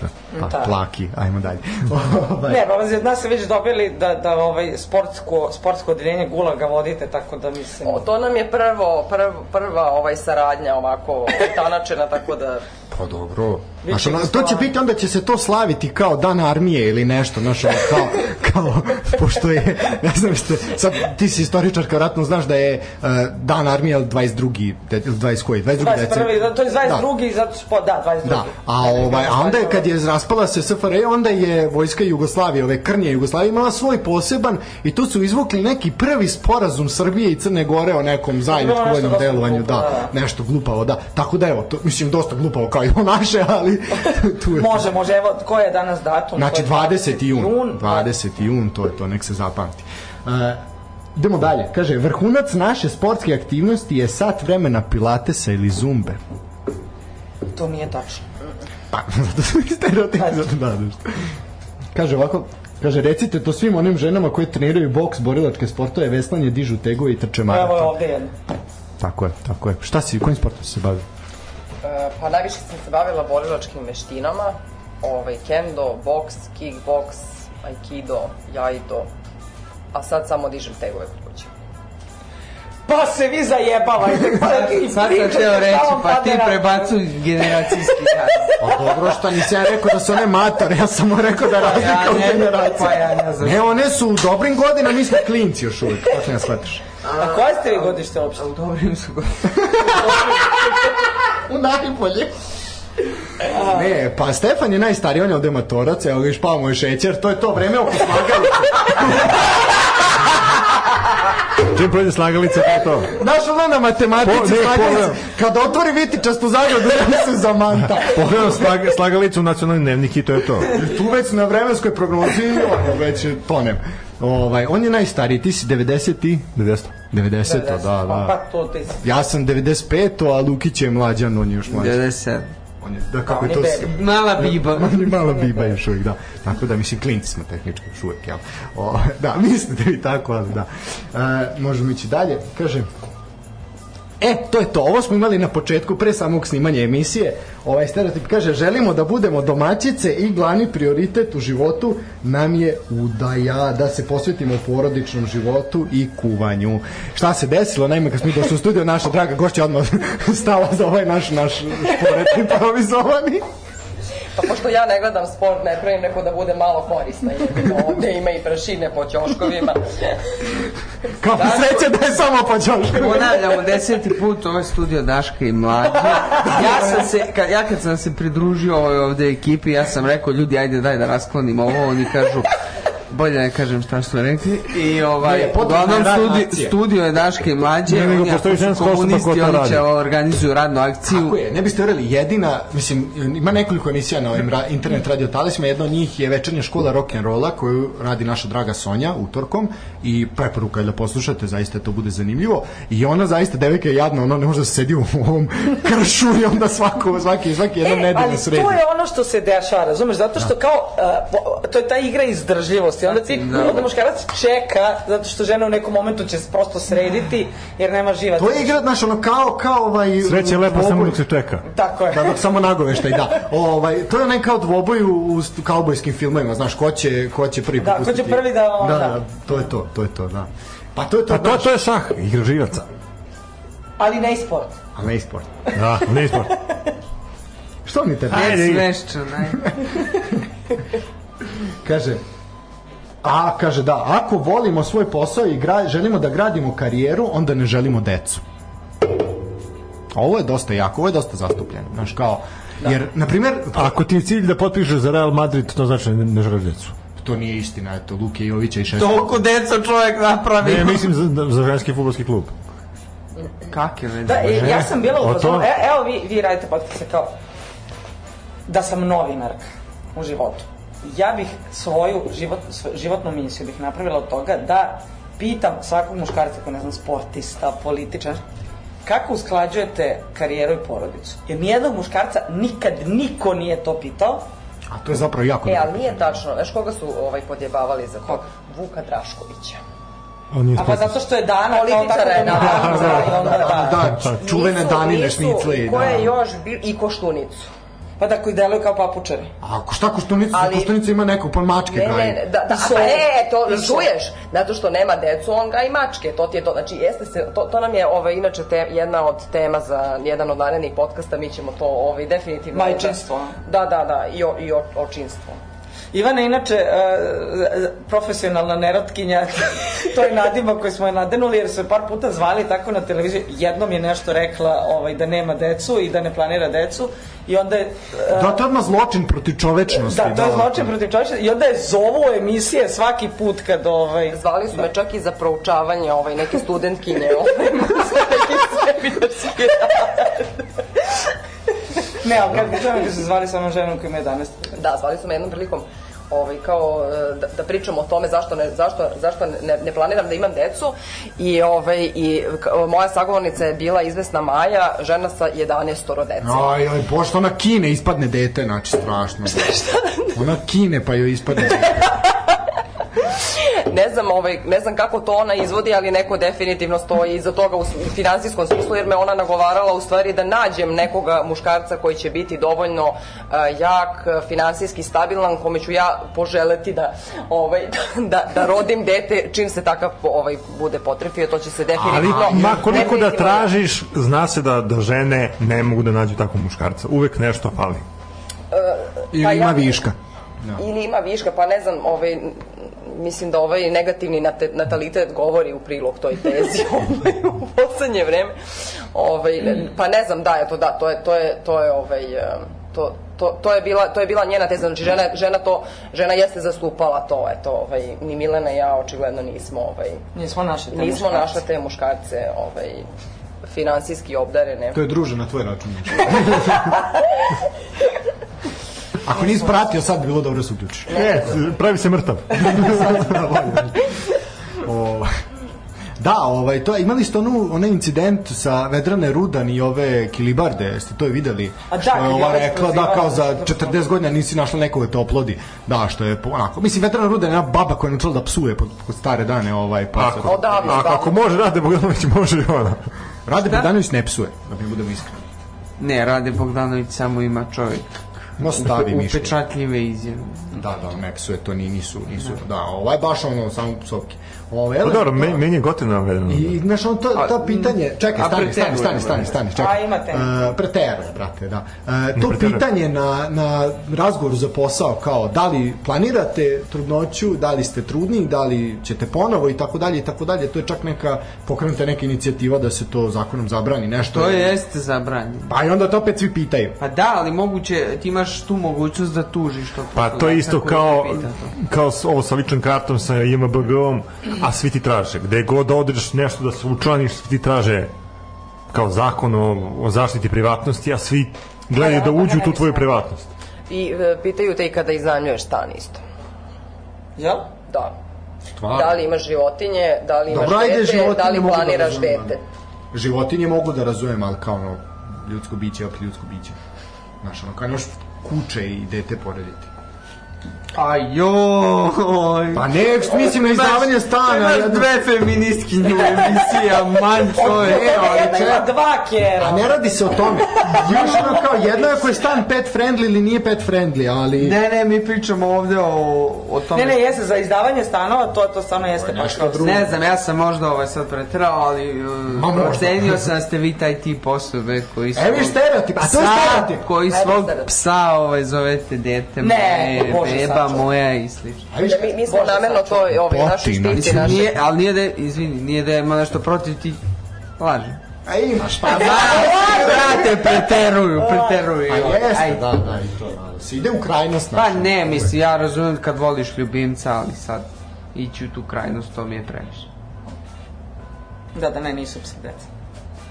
Ali, da, ekstremizam, ekstremizam. Pa, e, mi smo namerno to stavili u stvari u podcastu u špici, možete da vidite da smo mi cat ladies, što se kaže, ovaj, namerno smo išle na to, to je, to je, to je, taj, to je taj stereotip. Že, žena zla, bez dece, bavi se politikom i gaj mačke u kući. Ali mislim, pošto vi imate ovde mačke, onda i to nešto ovako govori o vama. Kao muška, ili ima muškaraca sa mačkama, ili ima taj Koštunice. stereotip. Znate, šta- znaš, da, osim koštunice, kada muškarac, recimo, ne znam se to... Evo ovde muškarac. da, e, Četiri mačke.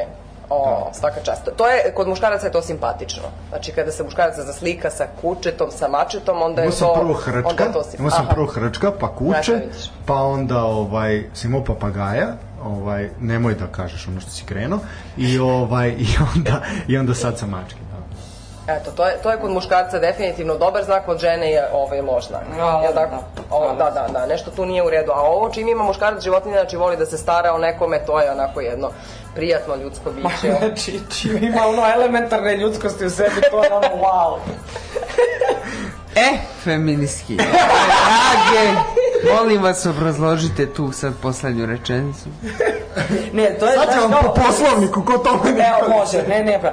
Znači, svaki put kad kao muškarac pokaže neku vrstu brige o drugoj osobi ili a, ne znam, staranja o svom prostoru.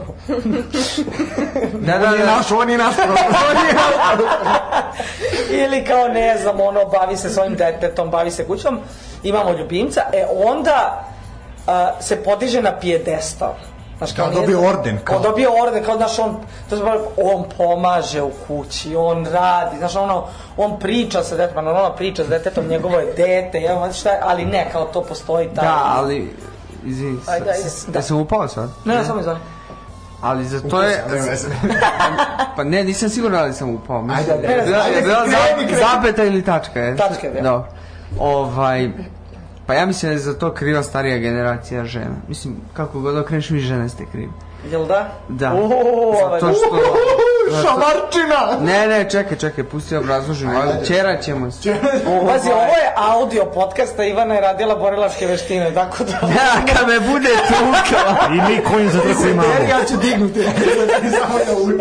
Ovaj, When we have weapons, we fight with weapons.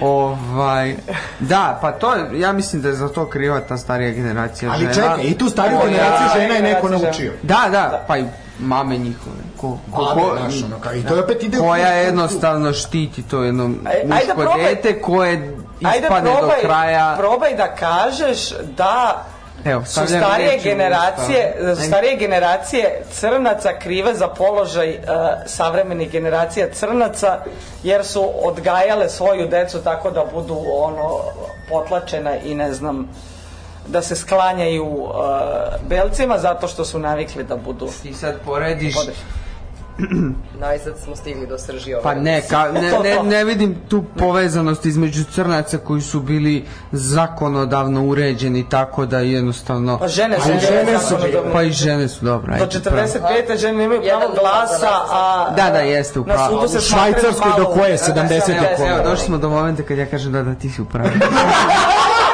ovaj, e, Pa Ja ja žene, mislim- žene, nisu imali, žene nisu imali pravo glasa, jer se znao da kad progovore da ne mu je stanu. bravo, bravo, bravo, bravo. A čekaj, kako onda, kako onda ovaj, objašnjavaš to da u Saudijskoj Arabiji do, s- koju, do pre koju godinu nisu polagale vožnju? Jel Da kažem da su žene E, to je loši kazano, ti vozači. piše to na spisku. Ima, da, ima, da. Da su žene loši vozači nego muškarci, da li je to istina? E, a, čak moguće da jeste, u jednom smislu. Znači, ako tebe neko do, ne znam, 18-20, kada ga podneš, ubeđuje da ti ne znaš da voziš i da si ti predodređena da ne znaš da voziš. Kao neke druge stvari. Mislim, nije to stvar samo sa ženama, kao razne društvene grupe, tako mogu. ti internalizuješ to da ti ne umeš da voziš i kod žena, ono što sam primetila kod žena, ne da su lošiji vozači, nego da ima veći strah od vožnje. Jer One su pažljivije samo, obazrivije. Ne, ne, ne, ali ovo drugo, ona sad nešto hoće. Nego zato što su naučile da će one verovatno biti loši vozači. Znači, u startu se kreće sa greškom. U startu se kreće sa time da ti to verovatno nećeš znati, ali kao sada je okej da položiš za razliku od, ne znam, nekada. Evo ti još jedan primer. Uh, isto, isto važi stereotip da su muškarci bolji u matematici. To nije istina, I- ovaj. I sproveli su... Dobro, za pa tebe. dobro, u prirodnim, nau, u prirodnim naukama... kao- Evo primjera živih ovde dvojica. još, još jednom na pijedesta, hvala. Ovaj, I stavili su, e, u, u, napravili su eksperiment, dali su matematičke zadatke da daju devojkama kada su u prostoriji muškarci i istim tim devojkama kada nisu bili u prostoriji muškarci imale su bolje rezultate. pritisak. Da, imale su bolje rezultate kad su bile samo devojke. A, onda recimo, ne znam da li znate na, na Da li su muzički- bili lepi muškarci ili ne? e, Aha. Kako god da okreneš, mi smo krivi. Da, mi smo krivi kako to krenu. Ona, o, o, ona, ona zezne minus, ja sam kriv. da! Pa daj, ne molim, ne molim. Ali što pre to prihvatiš, što bolje. Dečko, ti tek treba da se oženiš, jesi ti svestan da ti krivi? Ja hvala Bogu nisam našao takvu koja će za sve da me krivi. Polako, to je dok ne potpišeš. Kad potpišeš, onda, Onda. onda krenu. Ne, ovaj, ne, god sad sam Da, probegla. da, ajmo dalje. Da, ovaj, da, to je isto ono kao žene lepše pišu. Pa To je isto, da. istina. Kaligrafija. A to jeste istina, mislim. Da, evo, ne, ona živi primjerci, ni zna matematiku, ni znamo lepo da pišemo, mislim, tako da... Ja bih hteo da kad Ali vidi, vidi, pričamo... samo, im- ima i obrnuta situacija. Pazi, to, to ovo što je sad ona rekla, kao e, muškarac pomaže u kući. Znači, kao, Ja znam e, im, imaš situaciju da e, žena kaže, e, koleginica s mog posla kaže kolegi, jao, kaže, o, o, treba čovjek da uključi veš mašinu. Sad prvi put je njegova supruga otišla na neko letovanje, ne znam ja gde je, i on ne zna da uključi veš mašinu. I sad ja, ja mu kažem, imaš prvu pregradu, to ti je za pred pranje, to nemoj da ideš. I kaže, jao, nemoj da mu objašnjavaš to, kaže, to mu je prekomplikovano. Znači, kaže, čoveče, on predaje neku kompleksnu matematiku, ne znam, na faksu, kao, kako mu je to, kako mu je to prekomplikovano da imaju dve pregrade suncem u poljubi. Znači, imaš te kao, e, imaju ti, mislim, to su ti stereotipi koje ti, koji ti se stalno plasiraju, onda je on nešto smotan oko mašine, a žena je smotana u vožnji ili ne znam, Potpuno u rešavanju. Ja, gledaj to isto koliko Znači- žena, znaš, imaš dve pregrade, pa sad jedna... Dobro je, dobro je, bre, sa tim. U vezi te mašine ja bih rekao, moja... Moja majka, moja majka, 25 godina, nama soli pamet dvojici sinova, kako je e, dan kada se pere veš nešto, razumeš, e, ide u njivu, Nije do da- bukvalno. pranja, nego do prostiranja. Ali... Ne, ne, kada Da, pere e, veš. bravo, lepo je rečeno da prostira. Najgora stvar na Šta svetu sad prostiranje, znaš. prosteraš ga za 10 minuta ga prostreš, šta? Molim da se obavljam. Ovaj, uglavnom. Nisam što Ne, ja moram e, da stavim punu mašinu veša. To ti je bukvalno da razvrstaš taj veš dva minuta i da klikneš na to dugme minut. Dobro. Tri Čekaj, minuta. minut ti treba da klikneš na dugme. Aj, sad me teruješ. Znači, dva i po minuta posla su razlog da se ti žališ 20 minuta. Slažem se, slažem se, da, da, da. A što je- onda muškarci ne uključuju? Ja dok nisam morao... Doći od vas na red. Da, ja dok nisam, ja dok nije došao moj red da ja sam sebi uključim veš mašinu, ja sam mislio da je to, moj red. razumeš, da je to topljenje čvaraka, bukvalno. Da sediš, da sediš dva i po sata, da stojiš iza one oranije i na onoj vrućini i da, i da mešaš, razumeš, ja te peče, bukvalno. Da Ti je, možeš uključiti sa pred pranjem i onda gledati u centrifugu, razumeš kako se obrati. Jel, Ma jel, ja jel, volim da gledam u ofarbaš veš? centrifugu. Jel ofarbaš veš kad, kad stavljaš? Ne. Ne? Verujete, ne. mogu nešto da se pohvalim. Nikad u životu nisam ofarbo veš. Znači, više puta je, su žene koje su živele sa mnom ofarbale veš nego što sam ja. Ja sam jednom okapala. Ni jedan put mi se nije desilo. Ni jedan put. Ni meni. A ja sam, evo sad, ajde, kada on priča ovu svoju priču o mami i te iskušenja, ovaj, za veš mašinom, ja sam živeo u srednjoškolskom domu. I bili smo odvojeni, jel, krilo za dečake, sprat za dečake, sprat za devojčice, što je donekle i normalno. E, nije bio javašluk kao u srednjoškolskim, jer smo tu još uvijek ono dosta mlađi. I mogu reći da je u 90% slučajeva svaka muška soba bila urednija nego ženska. Znači čistija, složenije stvari, čak i ako nas je bilo više u sobi. Primjer, muške sobe su bile četvorokrevetne, šestokrevetne, osmokrevetne, a ženske su bile u- uglavnom dvokrevetne ili četvorokrevetne. Mislim da je tipa jedna ili dve samo bila šestokrevetne, to su bile neke najgore učenice. Ove, ali znači... Pa zato što je po, po rangu jel se delila soba, jel kako ko je kakav uspeh imao. Ovaj, ali eto, to je to je zaista ono mi, mi i uvek i naš kao ono, mi smo, znači kao naš devojčice su čiste, devojčice su, mi došli tamo, mi čisti pet puta od njih. Pa ja mislim da to govori u prilog tezi da su muškarci predodređeni za kućne poslove, ali da su žene prosto zauzele tu poziciju moći u domaćinstvu.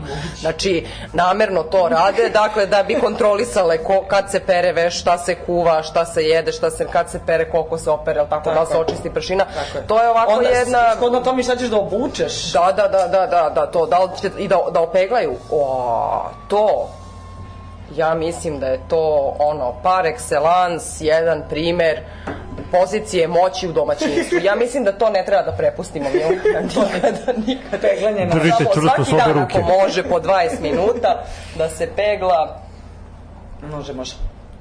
Da vidim, samo ajde još malo, još malo sa liste, pa ćemo malo... Ne, ne, tebi ja, imam ja jedno pitanje, pošto je to ova emisija valjda sportskog karaktera, da li mislite da postoji stereotip u sportu? koji su sport, sportovi predodređeni za žene, a koji za muškarce? ako ne. Pa to je to, ono, Znaš ti žene kako, od bojka... kad sam, kad sam ja trenirala borilačke veštine i kad je bilo jako teško na tim trenizima, naročito kad smo se pripremali to za, ne znam, međunarodna takmičenja za reprezentaciju, onda su govorili kome je teško neka ide na balet. A balet teži od... Možeš da umreš, brate. Znači, nije sport umetno. Da, balet najteža stvar moguća za baviti se, ono, kao naj, najgori, ono, bukvalno balet je gulag, ono, nemojte slati huligane u gulag nego na balet. Jer kad počnu da krvare na prstićima, ovo, Pa, jel To Mike baš je, Tyson da. išao na balet? a da li ti zaista deluje? Ne, kao da ne, išao ne, na ne, balet? ima neka priča da je Mike Tyson Ne, ali imamo išao tu na priču o balet. futbalu, gde, gde ranije su se znalo, ono, kao futbal je muški sport, žene ne idu na futbal. Pa smo došli do toga da su počeli da se razvijaju razni pokreti koji su podržavali žene da se osnaže da krenu da igraju futbal. Da, imamo tu, čekaj, imamo tu situaciju i u uh, školskim danima gde neki devojčice hoće da se igraju sa dečacima i hoće da igraju taj futbal. Uh, imamo odbojku, kao možda i bolji primer gde se o odbojci govori kao o ženskom sportu, mada ga igraju i muškarci. Ima, Pa to jeste ženski sport koji povremeno igraju muškarci. ima e, dosta tih nekih primera. Ima primera vezano za e, atletiku, za e, ritmičku gimnastiku, za sinhrono plivanje čak isto. Ovaj, zato me interesuje, rekao, da li mislite da, da je ono, da li smo danas došli u toj poziciji da, da svi mogu podjednako da, da učestvuju u sportu, da ne delimo sport na, na, na muški ili ženski, već je onda da, da se gleda samo taj sport kao način za promovisanje same igre. A mi sve nismo došli dotle. Mislim, i dalje postoje stereotipi u ženskom sportu. Kao to, a, nije to to, znaš, kao kad igra žensku košarku, recimo, naroče za žensku košarku, čak manje za futbol. Da kao ženska košarka, to stalno čujemo od muškarca, nije ženska košarka, to to, kao drugačije one nešto. Ali zato ženski rukomet vidi. Znači, kao neko ko se bavio rukometom, svaki put kad sam igrao protiv ženske ekipe, sam dobio batina mnogo više nego kad sam igrao protiv muške. Ne, ozbiljno. Ja se bavila Ozbiljno, rukometom. ovaj, ženski rukomet je mnogo grublji nego ru, muški. Jer tu zaista onako ne prezaju ni od kakvih ono udaraca, štipanja, grebanja i tako dalje. I zaista Navikli su je da mnogo grebu. grublje. Pa da.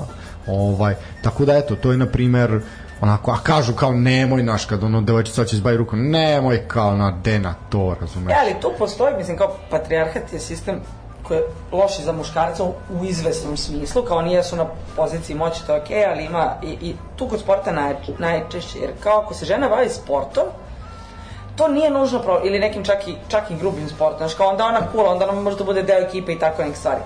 Ali ako muškarac nije talentovan za sport, ili mu ne ide, ili se ne bavi sportom, e, to je onda otprilike razlog za isključenje iz Da, da, Ne ume da muškarac- vozi bicikl, na primer. To ja je ne da onda onda vozi vozim bicikl. Stvarno? Ume zezer, ume da Majke plivaš. još. Onda pa pevam, ali nemam vozim bicikl. Dobro, pazi, ne moraš da, da, da znaš bicikl, dovoljno znaš da, da, da plivaš i ima od tebe šanse da budeš gradonačelnica jednog dana. Da. To je tačno, to je tačno. Ali ne Novog Sada, ako ne znam vozim bicikle. Mogu brzo. Ne možeš.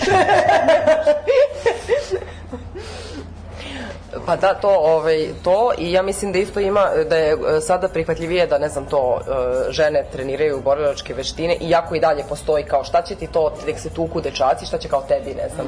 Ovaj, ali recimo... e, Ali možda de- njoj, njoj cilj da jednog dana, znaš, ono, ako ne uspe u tom sportu da radi na vratima kao obezbeđenje. Pa ima To sada. nema veze sa borilačkim Da, ne, veštinama. da, Ne, da, ne, ali ne, ima, kao, ima. ali ima ako su Ali- ali- policajci, ali- Da, ali, ali ne sad gledam znaš. zbog toga zato što, eto, i to je posao koji, koji je muški. Znaš, kao možda sutra ne dojem. E, pa Mi to- smo gledali da, to je snimak I, i hteli smo da to- dovedemo to da li je- devojku da li je koja policija za žene? Da. To je to, E, da. na- Hteli smo da dovedemo devojku koja je treća u Evropi u baranju ruku. Ma devojka, druga, znači, druga, u druga Evropi dobro, u sad nije ni baranju bitno, samo ruku, samo, da. postigla je neki određeni uh, rezultat u sportu kojim se bavi, a sport koji je striktno muški sport, da se tako izrazi. Pa važi mišljenje da je muška. Da, to je kategorija da. jedno drugo. Pa evo recimo ja kad sam trenirala kendo i kada su e, prvi put ušle tu nekakve pare od ministarstva sporta, a, oni nisu hteli da finansiraju žensku reprezentaciju nego samo mušku, a e, žene su prve ostvarile neke viđenije rezultate na, na, ovaj, na tim međunarodnim takmičenjima. Ovaj, ja sam, ba, moram da kažem, u tom periodu i odustala, zato što sam išla nekoliko godina na pripreme i kao sa idejom bit ćeš i ti, bit ćeš i ti tu, a onda u stvari kada dođe trenutak da se ode na takmičenje, kažu pa jebi ga za tebe nema para, ali znate šta je bio argument njihov zašto ja idem na pripreme? Zato što je važno da reprezentacija vežba sa što različitijim ljudima i da kao da, da ne vežbaju stalno u krug isti. I to je isto, ne znam, argument zašto se uvode žene u policiju. Kao treba da imaš različite vrste ljudi sa kojima razgovaraš, ne znam, drugačije žena razgovara sa, sa muškarcima nego što razgovara muškarac sa muškarcem i ne znam. Ovaj, tako da su to koristili onako ovaj, perfidno da nas kao iskoriste, da nas uvuku, ali jebi ga kad je došlo do kinte, onda A te vučete revanšizam kad dođeš na vlast, da mi se osveti. kako ne, kako ne, Evo, videli smo, videli smo na primjeru Jovane Jeremić koja pati zato što nije bila najbolji đak generacija. generacije, da, da. A, joj, desno isko. Sad, da kao, interesuje me da, da li vi gajite te afinitete ako dođete na, na vlast. Naravno, naravno, mi to ne krijemo uopšte. Ovaj, I mi, i mi u stvari pucamo na to, ovaj, na to biračko telo, znamo da ima još puno žena koje se tako osjećaju, sve u redu, možete tako da se osjećate i ovaj, sve što obećamo, sve ćemo ispuniti. Jedino ne dozvoljavamo da muškarci peglaju, to mislim da je apsolutna Ne, to, privilegija to, to, žena. tu Ne, privilegiju to treba ću- držati s obe ruke. Tako je, tako je. Strašno. Ove, ele, da, baš upravo kad smo kod toga, evo, došlo i to, ne možemo ni sijalicu da zamenimo bez pomoći muškaraca, ovaj, i kao, nosimo teške predmete, osigurači, okrećimo kuću ili tako nešto, jel ti slični neki poslovi. A zapravo su žene mnogo sposobnije od muškaraca, ali u prisustu muškarca naš kao, ajde, dragi naš, promeni, kao, to ipak je. A ne, da, da, da se Brani osjećao mojeg, bolje. da. ono. Da, da, kao bude Kao da, koristan. da se osjećaš bolje veze sa sobom, te, te neke, te neke fazone. To je to, znaš, kao je. Da, jednostavno lično pitanje, ali osjećate da možete nešto da uradite sa vašim podcastom, da promenite razmišljanja ljudi, da a, razbijete neke stereotipe predrasude koje već postoje kod nas, obzirom da mi š- živimo i dalje u tom patrijarhatu, kako god se to okrene. Pa do revolucije ćemo živeti u patriarhatu. Ali, e, A onda gulak. a onda ko? Tako je, tako je. Vid- Vidite kako ima ipak rezultata. Dečko je shvatio šta ga čeka. Ako nema, Zato lista blit ženu da se... Kad vi, Čekaj, čekaj, stani. Da uče u napred, da bude najbolji džak u gulagu. kad vi, kad visling, onaj najgori. Pa da, E, ali odmah čekaj, da zna, daš. Ali ti kao. si rekao nešto, ovaj, e, to kao da su žene, ne znam, krive e, za to da su... Da, počeo sam pa ste me prekinule. Po starom dobrom ženskom običaju. aj. E, ja mislim da je to jedna napredna lekcija ovaj, u- u Gulagu, ali evo ja ću da, ovaj, da je malo... Sve mora da bude izakladiram sada. napredno. Evo, u napred, sad Ne, u ne, napred, o- ovo je ekskluziva. Mila, Milana je počela od, be, od ono baze i mislim da je to ovaj ispravan način, ali ovaj ja mislim da ima da, e, neke istine u tome kad kažeš da su i žene održavaoci patrijarhata kao i muškarci, znači ne da su žene krive za to, nego, nego da učestvuju u tom održavanju. Evo recimo jedna moja drugarica kaže, znaš kao zašto ja ne bih kuvala e, kada, e, a, a on će da ne znam zameni točak na automobilu. Ja kažem čekaj, čekaj, koliko puta menjaš godišnje točak Dva na put, automobilu? dva put. Verovatno 0,5 E, ne, dva puta. put kad se menjaš zimske letnje gume, znači to ti je dva da. Ne, a, do, dobro, ajde, nema veze, nema veze. E, može Sad nema veze, dva puta, E, Ne, da, ne, da. ne, menjaš točak, ne, ne, Dva ne, puta ne, po četiri, to je osam. Dobro,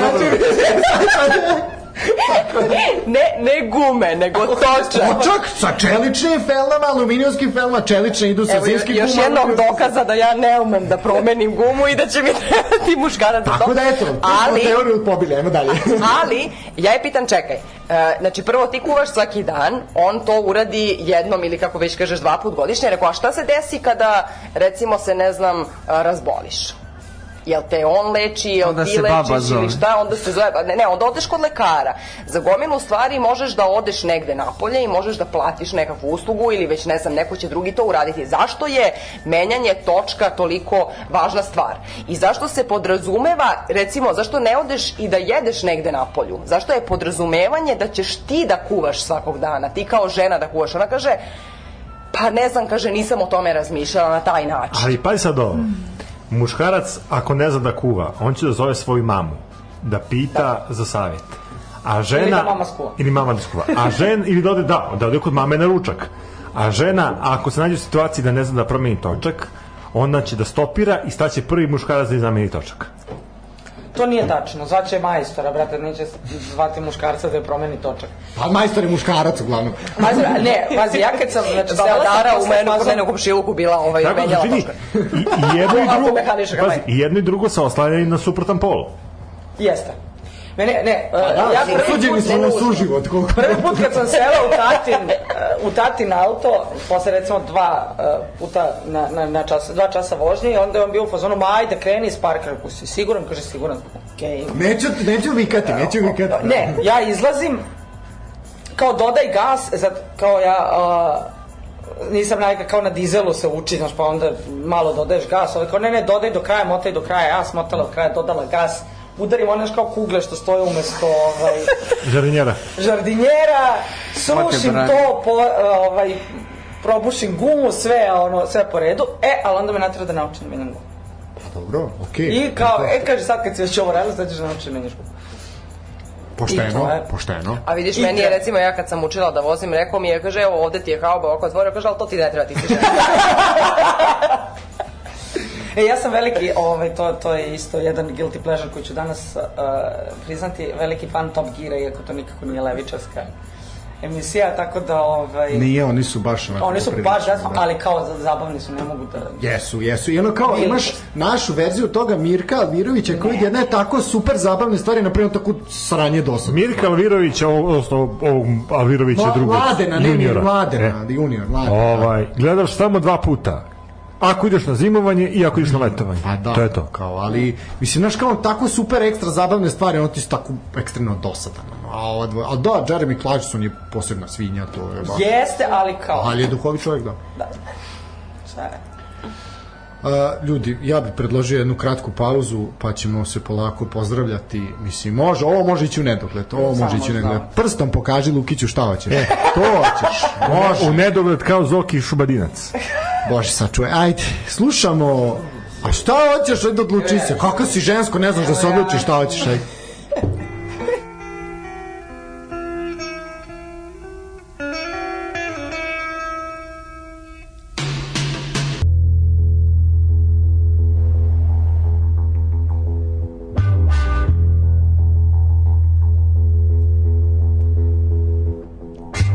Evo nas ponovo u studiju, vraćamo se našom razgovoru. Gde smo stali ono? A, pa imamo još par stereotipa da ovaj da pređemo i onda ćemo se polako zahvaljivati i vama na slušanosti. Moram prvo da se izvinimo zbog tehničkih problema. Ovaj opozicioni SBB je ponovo ponovo pravio problem. Ovaj eto naš mali ilegalni Možda nas radio- prisluškuju. A naš mali ilegalni radio se sabotira, ali nema veze kako su Prle i Tihi uspeli u okupiranom Beogradu, tako ćemo i mi u ovom okupiranom Novom Sadu jednom doći na na ovaj na gledamo vatromet za oslobođenje. Ele, ajmo da nastavimo Spremit će listom. nam odbor za doček. Da. Veoma brzo. Da, da. Verujem. Biće, biće. VTK će nas dočekati, sve mi se čini. Uh, LM, ajmo ovako. Znači, kaže ovako, naredni stereotip. Uh, lijepo se oblačimo da bi muškarcima zapale za oko, uh, volimo modu i odeću, ali to radimo zbog muškaraca i zbog drugih žena. E ja bih sad ovom dodao ovoj priči, uh, ovoj priči bih dodao i ono što mene najviše negde dan u godini kad se ja osjećam najviše poraženo, a to je 8. mart. Iako nisam pripadnica lepšeg pola i ne dobijam ni ružu, deodo- ono, dezodorans u kuglici i sapun, ali ovaj, osjećam se poraženo zato što ujutru kad idem na posao taj dan vidim te, inače, jel, pošto svaki dan nemu isto vreme na posao, da iste ljude srećeš I kao naš, vidim ih kad idu, kako idu spremljeni običnim redovnim danima na posao. I onda naš, to mi tako bude tužno što se za 8. mart žene doteraju da bi dobile taj cvet ili ono to neki poklon od firme, kakav god neki voucher bio ili nešto. I to je toliko porazno, ono kao, pa majka mu stara 8. mart ne služi za to, niti je za to predviđen, kao ono zašto se zadovoljavate cvetom i dezodoransom u kuglici, bre na ulice i da gori parking servis, sve da zapali. Stanislave, to više nije bitno. Znači, ti pokloni cvetovi, znači danas se žene sređuju samo isključivo za lajk. Pa dobro, daj, da bi se Je, ali slikale to. sa tim cvetom, da, da, isto. Da, i slikaju se sa cvetom da bi dobile lajk. A, da. Jel za lajk? Za lajk. Za lajk. Pa jeste, ali dobro, to je sad sve... Mislim, kao, i to nam je donela kontrarevolucija. Znači, ima na YouTube-u neka emisija iz 80. godine, gde sad na TV, sa TV Zagreb, gde pitaju žene, možda je čak baš 8. mart bio i povod zapravo, gde pitaju žene da li su ravnopravne u društvu. I sad je to soci- socijolo, uh, ove, socijalističko jugoslovensko društvo, to i one kažu, sve su rekle da nisu ravnopravne, da sve one rade po kući uz posao koji još imaju ovako i tako dalje. I a, onda je rezultat toga bio, dakle vrlo su žene bile svesne, emancipovane i tako dalje, onda je rezultat toga bio da a, se razgovaralo o e, a, podrušljavanju kućinog rada. Odnosno o tome da i to bude ono briga društva, odnosno da kao to postoji neki ovaj, neka zajednička briga o tome da to ne pada samo na teret žena. Tako da mislim da smo dosta regresirali u tom smislu, ali ono svaka, svaki vid borbenog i revolucionarnog praznika se pretvori u dekorativno. Tako i prvi maj slično kao, kao 8. mart. I Nova Majke su godina. krive za to. Ja sam Nova go- A šta je treba da radimo za novu godinu? Pa isto, ono, ruska salata se priprema i te gluposti, da. Pa zna se, ruska salata, Žikina dinastija, Superman, treći deo, kad da. da, vraća zemlju. Grand Narodno veselje, vatromet i to je to. Pa ja, ja mislim da smo, da smo navali sve što... Pa da, sarme i da, petarde, petarde. Petarde. Petarde, da. Da ima vatromet sad. Pa dobro, vatromet plus petarde, to su deo U odvojene. Beču je sad na čoli bio baš veliki vatromet. Mislim da su tri gradska budžeta otišla na... A se Karadžorđić opario, a? A čekaj, kojim povodom je Čola bio u Bečeju? E to su neki, um, kako se to zove, Cvetanje Veče i tisa, noću, šta? Veče i noću se zove festival, kao neki vašar. Pa onda... A, znači, u Rumi ova, kako se zove? Kako se zove u Rumi ova? Aj, Koja? pa propo mi je fazon. Kad bi znao samo čemu se radi... Znao kako čeznem dok me čekaš tu bez ta... A, ne, kako se zove, bre, u Rumi na Vašaru što peva ova... Bendi. Vendi, A Vendi, da, peva, Vendi, ne, u Ve- Rumi, Vendi a- peva znači. i u, i u Rumi i u Šapcu, ali u Šapcu poznatije. Da, ali ovaj, al čolo u Bečeju. Znači, ipak smo mi vamo severnije emancipovani. Možete i pričati šta hoćete. Evo, Lukić se priznava, priznava se. Tuše. Ajmo dalje. Ajmo. A, poslednje na listi, a ne i najmanje bitno, kaže, e, žene vole da gledaju samo romantične komedije. Ja volim da gledam romantične. komedije. Ja sam generalno volim da Hallmark, gledam Hallmark, dobre one stvari, božićne, to da, filmove. pa sam- Božićni film, Diva. ne postoji ništa bolje od dive. Diva, ja bi, to prvu noć kad bude revolucija, diva će goreti i parking servis će goreti. Znači, to su dve stvari koje ću ja Ne, lično zapamati. diva, niste.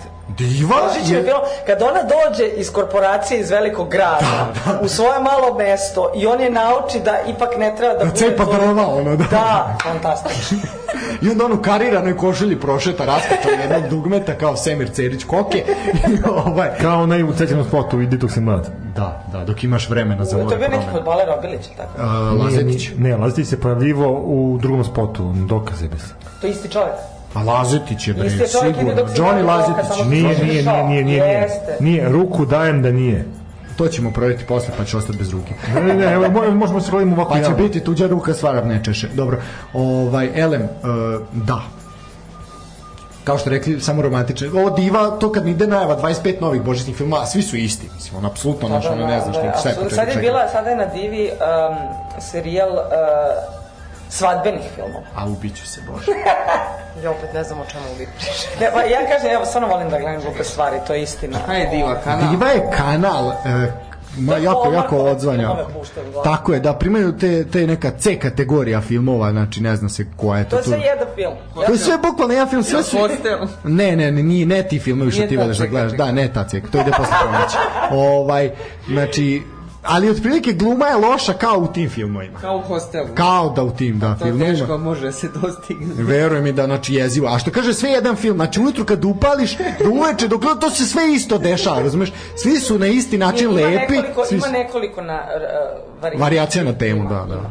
Ali to je video, ono, znači, kad Bože sače, to, ono, to, je, to je program koji treba da ide on roditeljsku za, zaštitu, znam, definitivno, jer može da ostavlja trajne Ne, posledice. ne, ove već imamo konflikt oko ovoga, da se diva ukida i pali videće.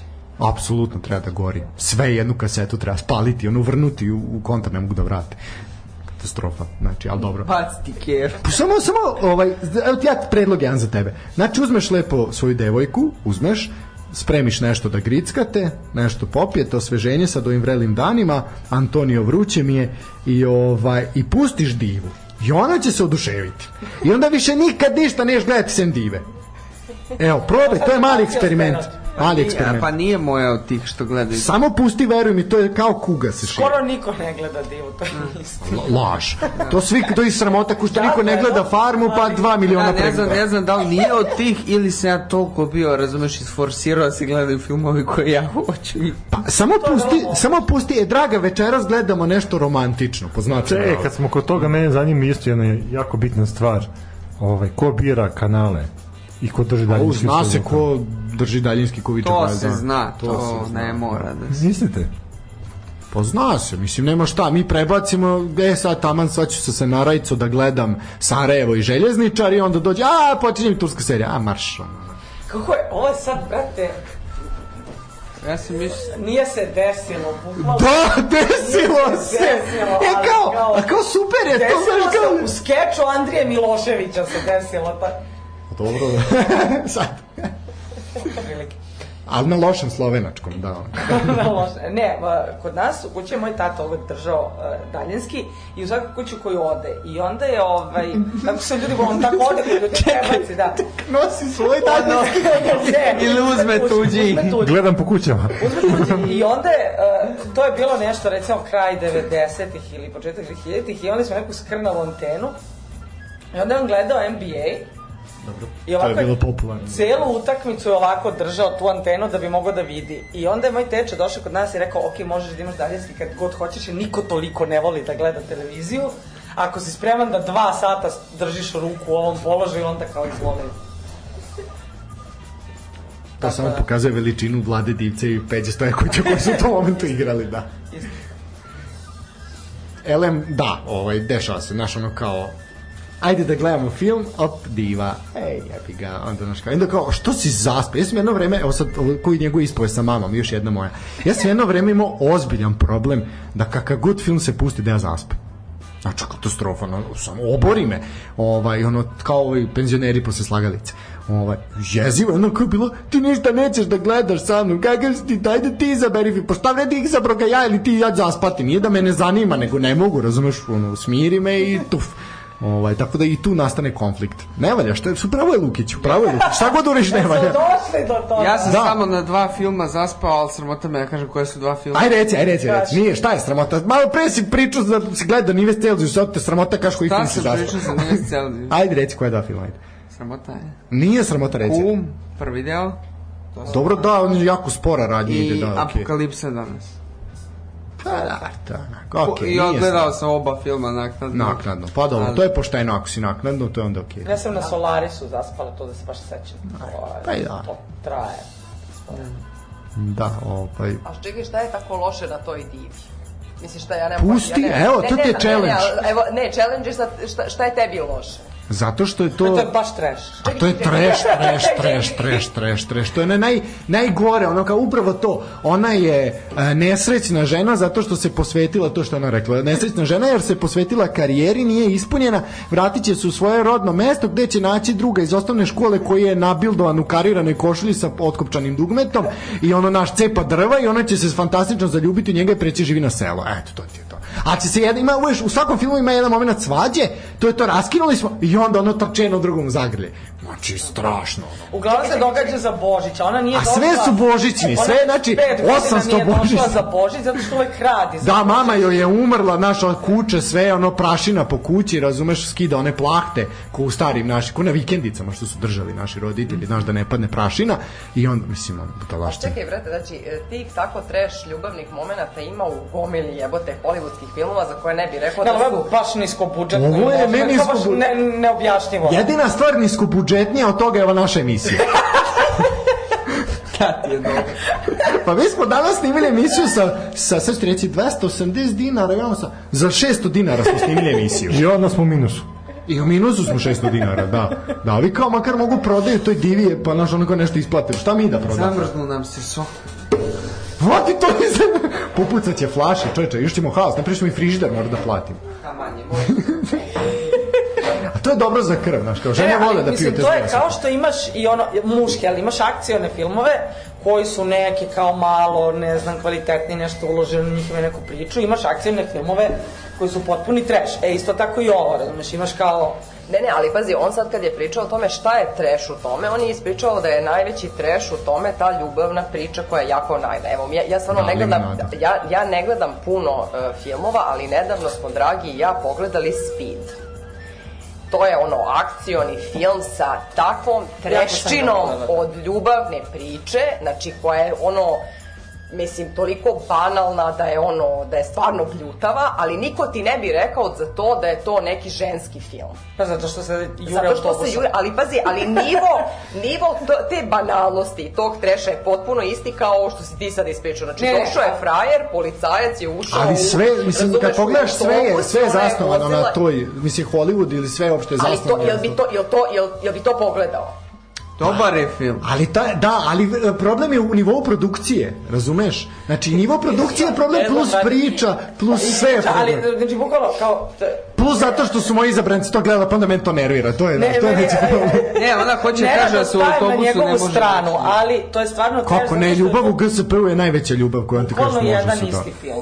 To, to je Bukvalno je, da, bukvalno Nije je tri jedan isti film, filma, eto, znači, možda, ono, tri filma. možeš da zaspeš i da se probudiš i da bukvalno misliš da si na isti film. A što je najcrnije, Ja glumci se, obožavam. glumci Predivno. se ponavljaju, znaš. Vidiš ti je? E, da, ja već znam glumce. Ja Da. već znam ko je...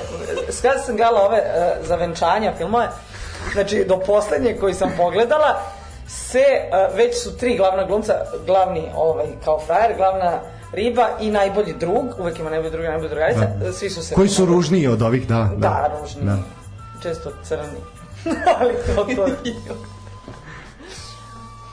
Tako Ne, je, moje, tako je. je, moje opažanje je samo bilo da kada se pričalo o tome zašto je to treš, argument je bio da je zato što je to e, naivna ljubavna priča. A n- ne nužno da je to glavna stvar, ali između osla... Treš je zato što je to gulaš jedan svega treša, razumeš? I onda je, sve je odvratno u tome. Manje više i priča, jeste naivna, da, ali je i sve, to je očajna produkcija, to je snimano, vidi, kakva paklena kuhinja je ono BBC, ono Pazi, produkcija. pornići su se ranije snimali tako da ti imaš prvo neku naivnu priču kao Pa kako i sad dolazi, ne imaš znam. isto A tako, dobro, da. sad te skraćuju dosta. Pa ali imaš ovaj, dve kategorije, imaš onaj Gonzo gde odmah kreće akcija. Ovo je i kao, onda- po- ovo je kao pornic, samo nema to da. Samo kraja. nema, e to je to, nema. Da, ne dođe do toga, znaš, da. Jer ako krene nešto, zatvore se vrata, razumem, da, to je to. Bukvalno, bukvalno. Ali sviđa mi se što ste sad stali na, za- na, na, na zajedničku stranu. Da, ovaj, samo što ja to gledam, da. a Ovaj, Ali to ti kažem, sve Da. vreme, znači ti to gledaš, a on ne gleda samo zato što ne, nema frke u autobusu, razumeš, znači ništa nije eksplodiralo i nije se nastavio ovaj... kako Ne, bi mene se- nervira, razumeš, on, mene nervira ta gluma, zato što je to toliko provino. Bukvalno mi sad smo odglumeli ovde bolje stereotipne muškarce. Lukić je bolje ušao u svoju ulogu nego što je... Nego što je Ja ovaj. uopšte nisam stereotipio. Pa nisi, da, ti si samo odradio posao za emisiju i to je sve. Ovo što ja, si, ja sam mogao tri put bolje da odgovorim. Pa dobro, ali bilo bi previše ljudi bi nas napali na ulici. Ovako je dobro, verujem im, dobar si bio. Ovaj, Umem ja da glumim seljača. umemo da glumimo, a da, da, znači mi samo za potrebe programa, mi nismo zaista ovakvi, mi smo jedne duše od ljudi. Pa ja sam korektan. A ovde, Korektan sam. a ovde je čisto i sve je sređeno. Ne, to nije, to je prljavo, to nije, to nećemo slagati sad. Deseti put ponavljamo, Da, da, ovo je Daško Mlađe. ovo je studio Daška i Mlađe. Mi smo inače mnogo ovaj, uredniji. A mi sa sobom rasklonimo. Da budemo iskreni. E, čekaj, ako gledamo tu kolektivnu odgovornost i na nas pada ta odgovornost za nered u sudiju. Ali, opet, e, procenat, to je koliko mi koristimo, se završava na kraju jednom Ali da, kesom mlađe koju, imaju- jednom kesom koju bacimo u kantu. Mi pošteno sklonimo svoje. I e, zašafimo silicu. I promenim sjeću. I kupimo stolicu kad dođe drugar od 140 kila pa je sklonimo. Ali Daško i mlađi imaju komandnu odgovornost. E, bravo, oni su, da, u ovom slučaju oni su Ratko Mladić i Radan Karčić. Mi su pešadji. A mi smo prašinari najobičniji, da. Ljudi moji, Mislim- ovo, da, ovo mislim može da je ići u ovo moglo nedogled, još da traje. ovo može Da, da ajde. traje satima, ali ono, dva i po sata smo odvalili, dva sata, dva i po sata prekvalitetnog programa a, i sad kreće ovaj Serda, ti meni Serdar, ja tebi Vojvodu moment, a, hvala što ste bile, hvala što ste odvojile ovaj vreme koje ste mogli kvalitetno da provedete u ovom našem lepom gradu, da dođete ovde da se družite s nama. A, nadam se da smo nešto postigli, makar da zabavimo ljude, mislim da to jesmo definitivno, da smo razbili stepen, e, nismo, ne možemo mi to promeniti, ovaj, to je jednostavno tako, šalimo se naravno, ovaj, mora se, što bi rekao Miroljub Labus, prvo počistite u svom dvorištu, pa onda gledajte u tuđe. A Ovaj, naše dvorište je prljavo. A naše, dvo, naše je poprilično prljavo, to ćemo ostaviti porukicu ovima što rade ujutru.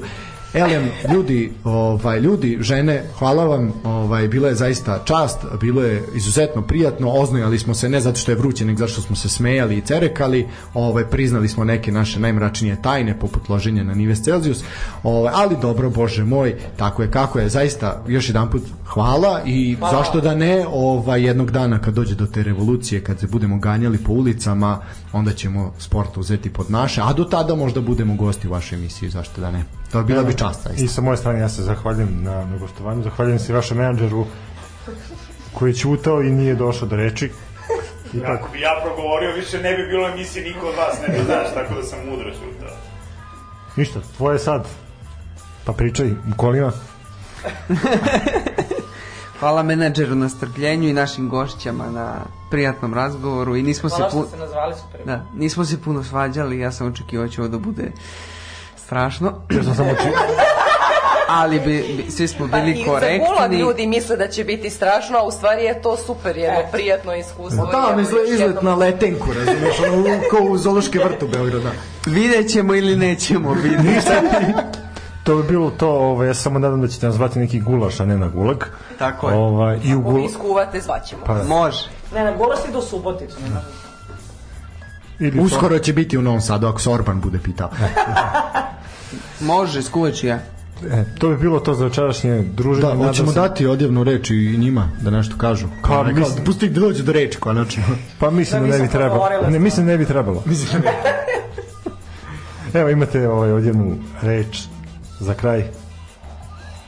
Neka, neka, poruku, neka poruku, poruka. naciji, poruku naciji. poruku naciji koji gleda ovo, znači ovde, ok, možda nije baš najčistija, ali to smo utvrdili čija je odgovornost, ali super je i baš je bilo zabavno i hvala vam što ste nas zvali. Hvala vam. Eto, to je to za večerašnje uključenje.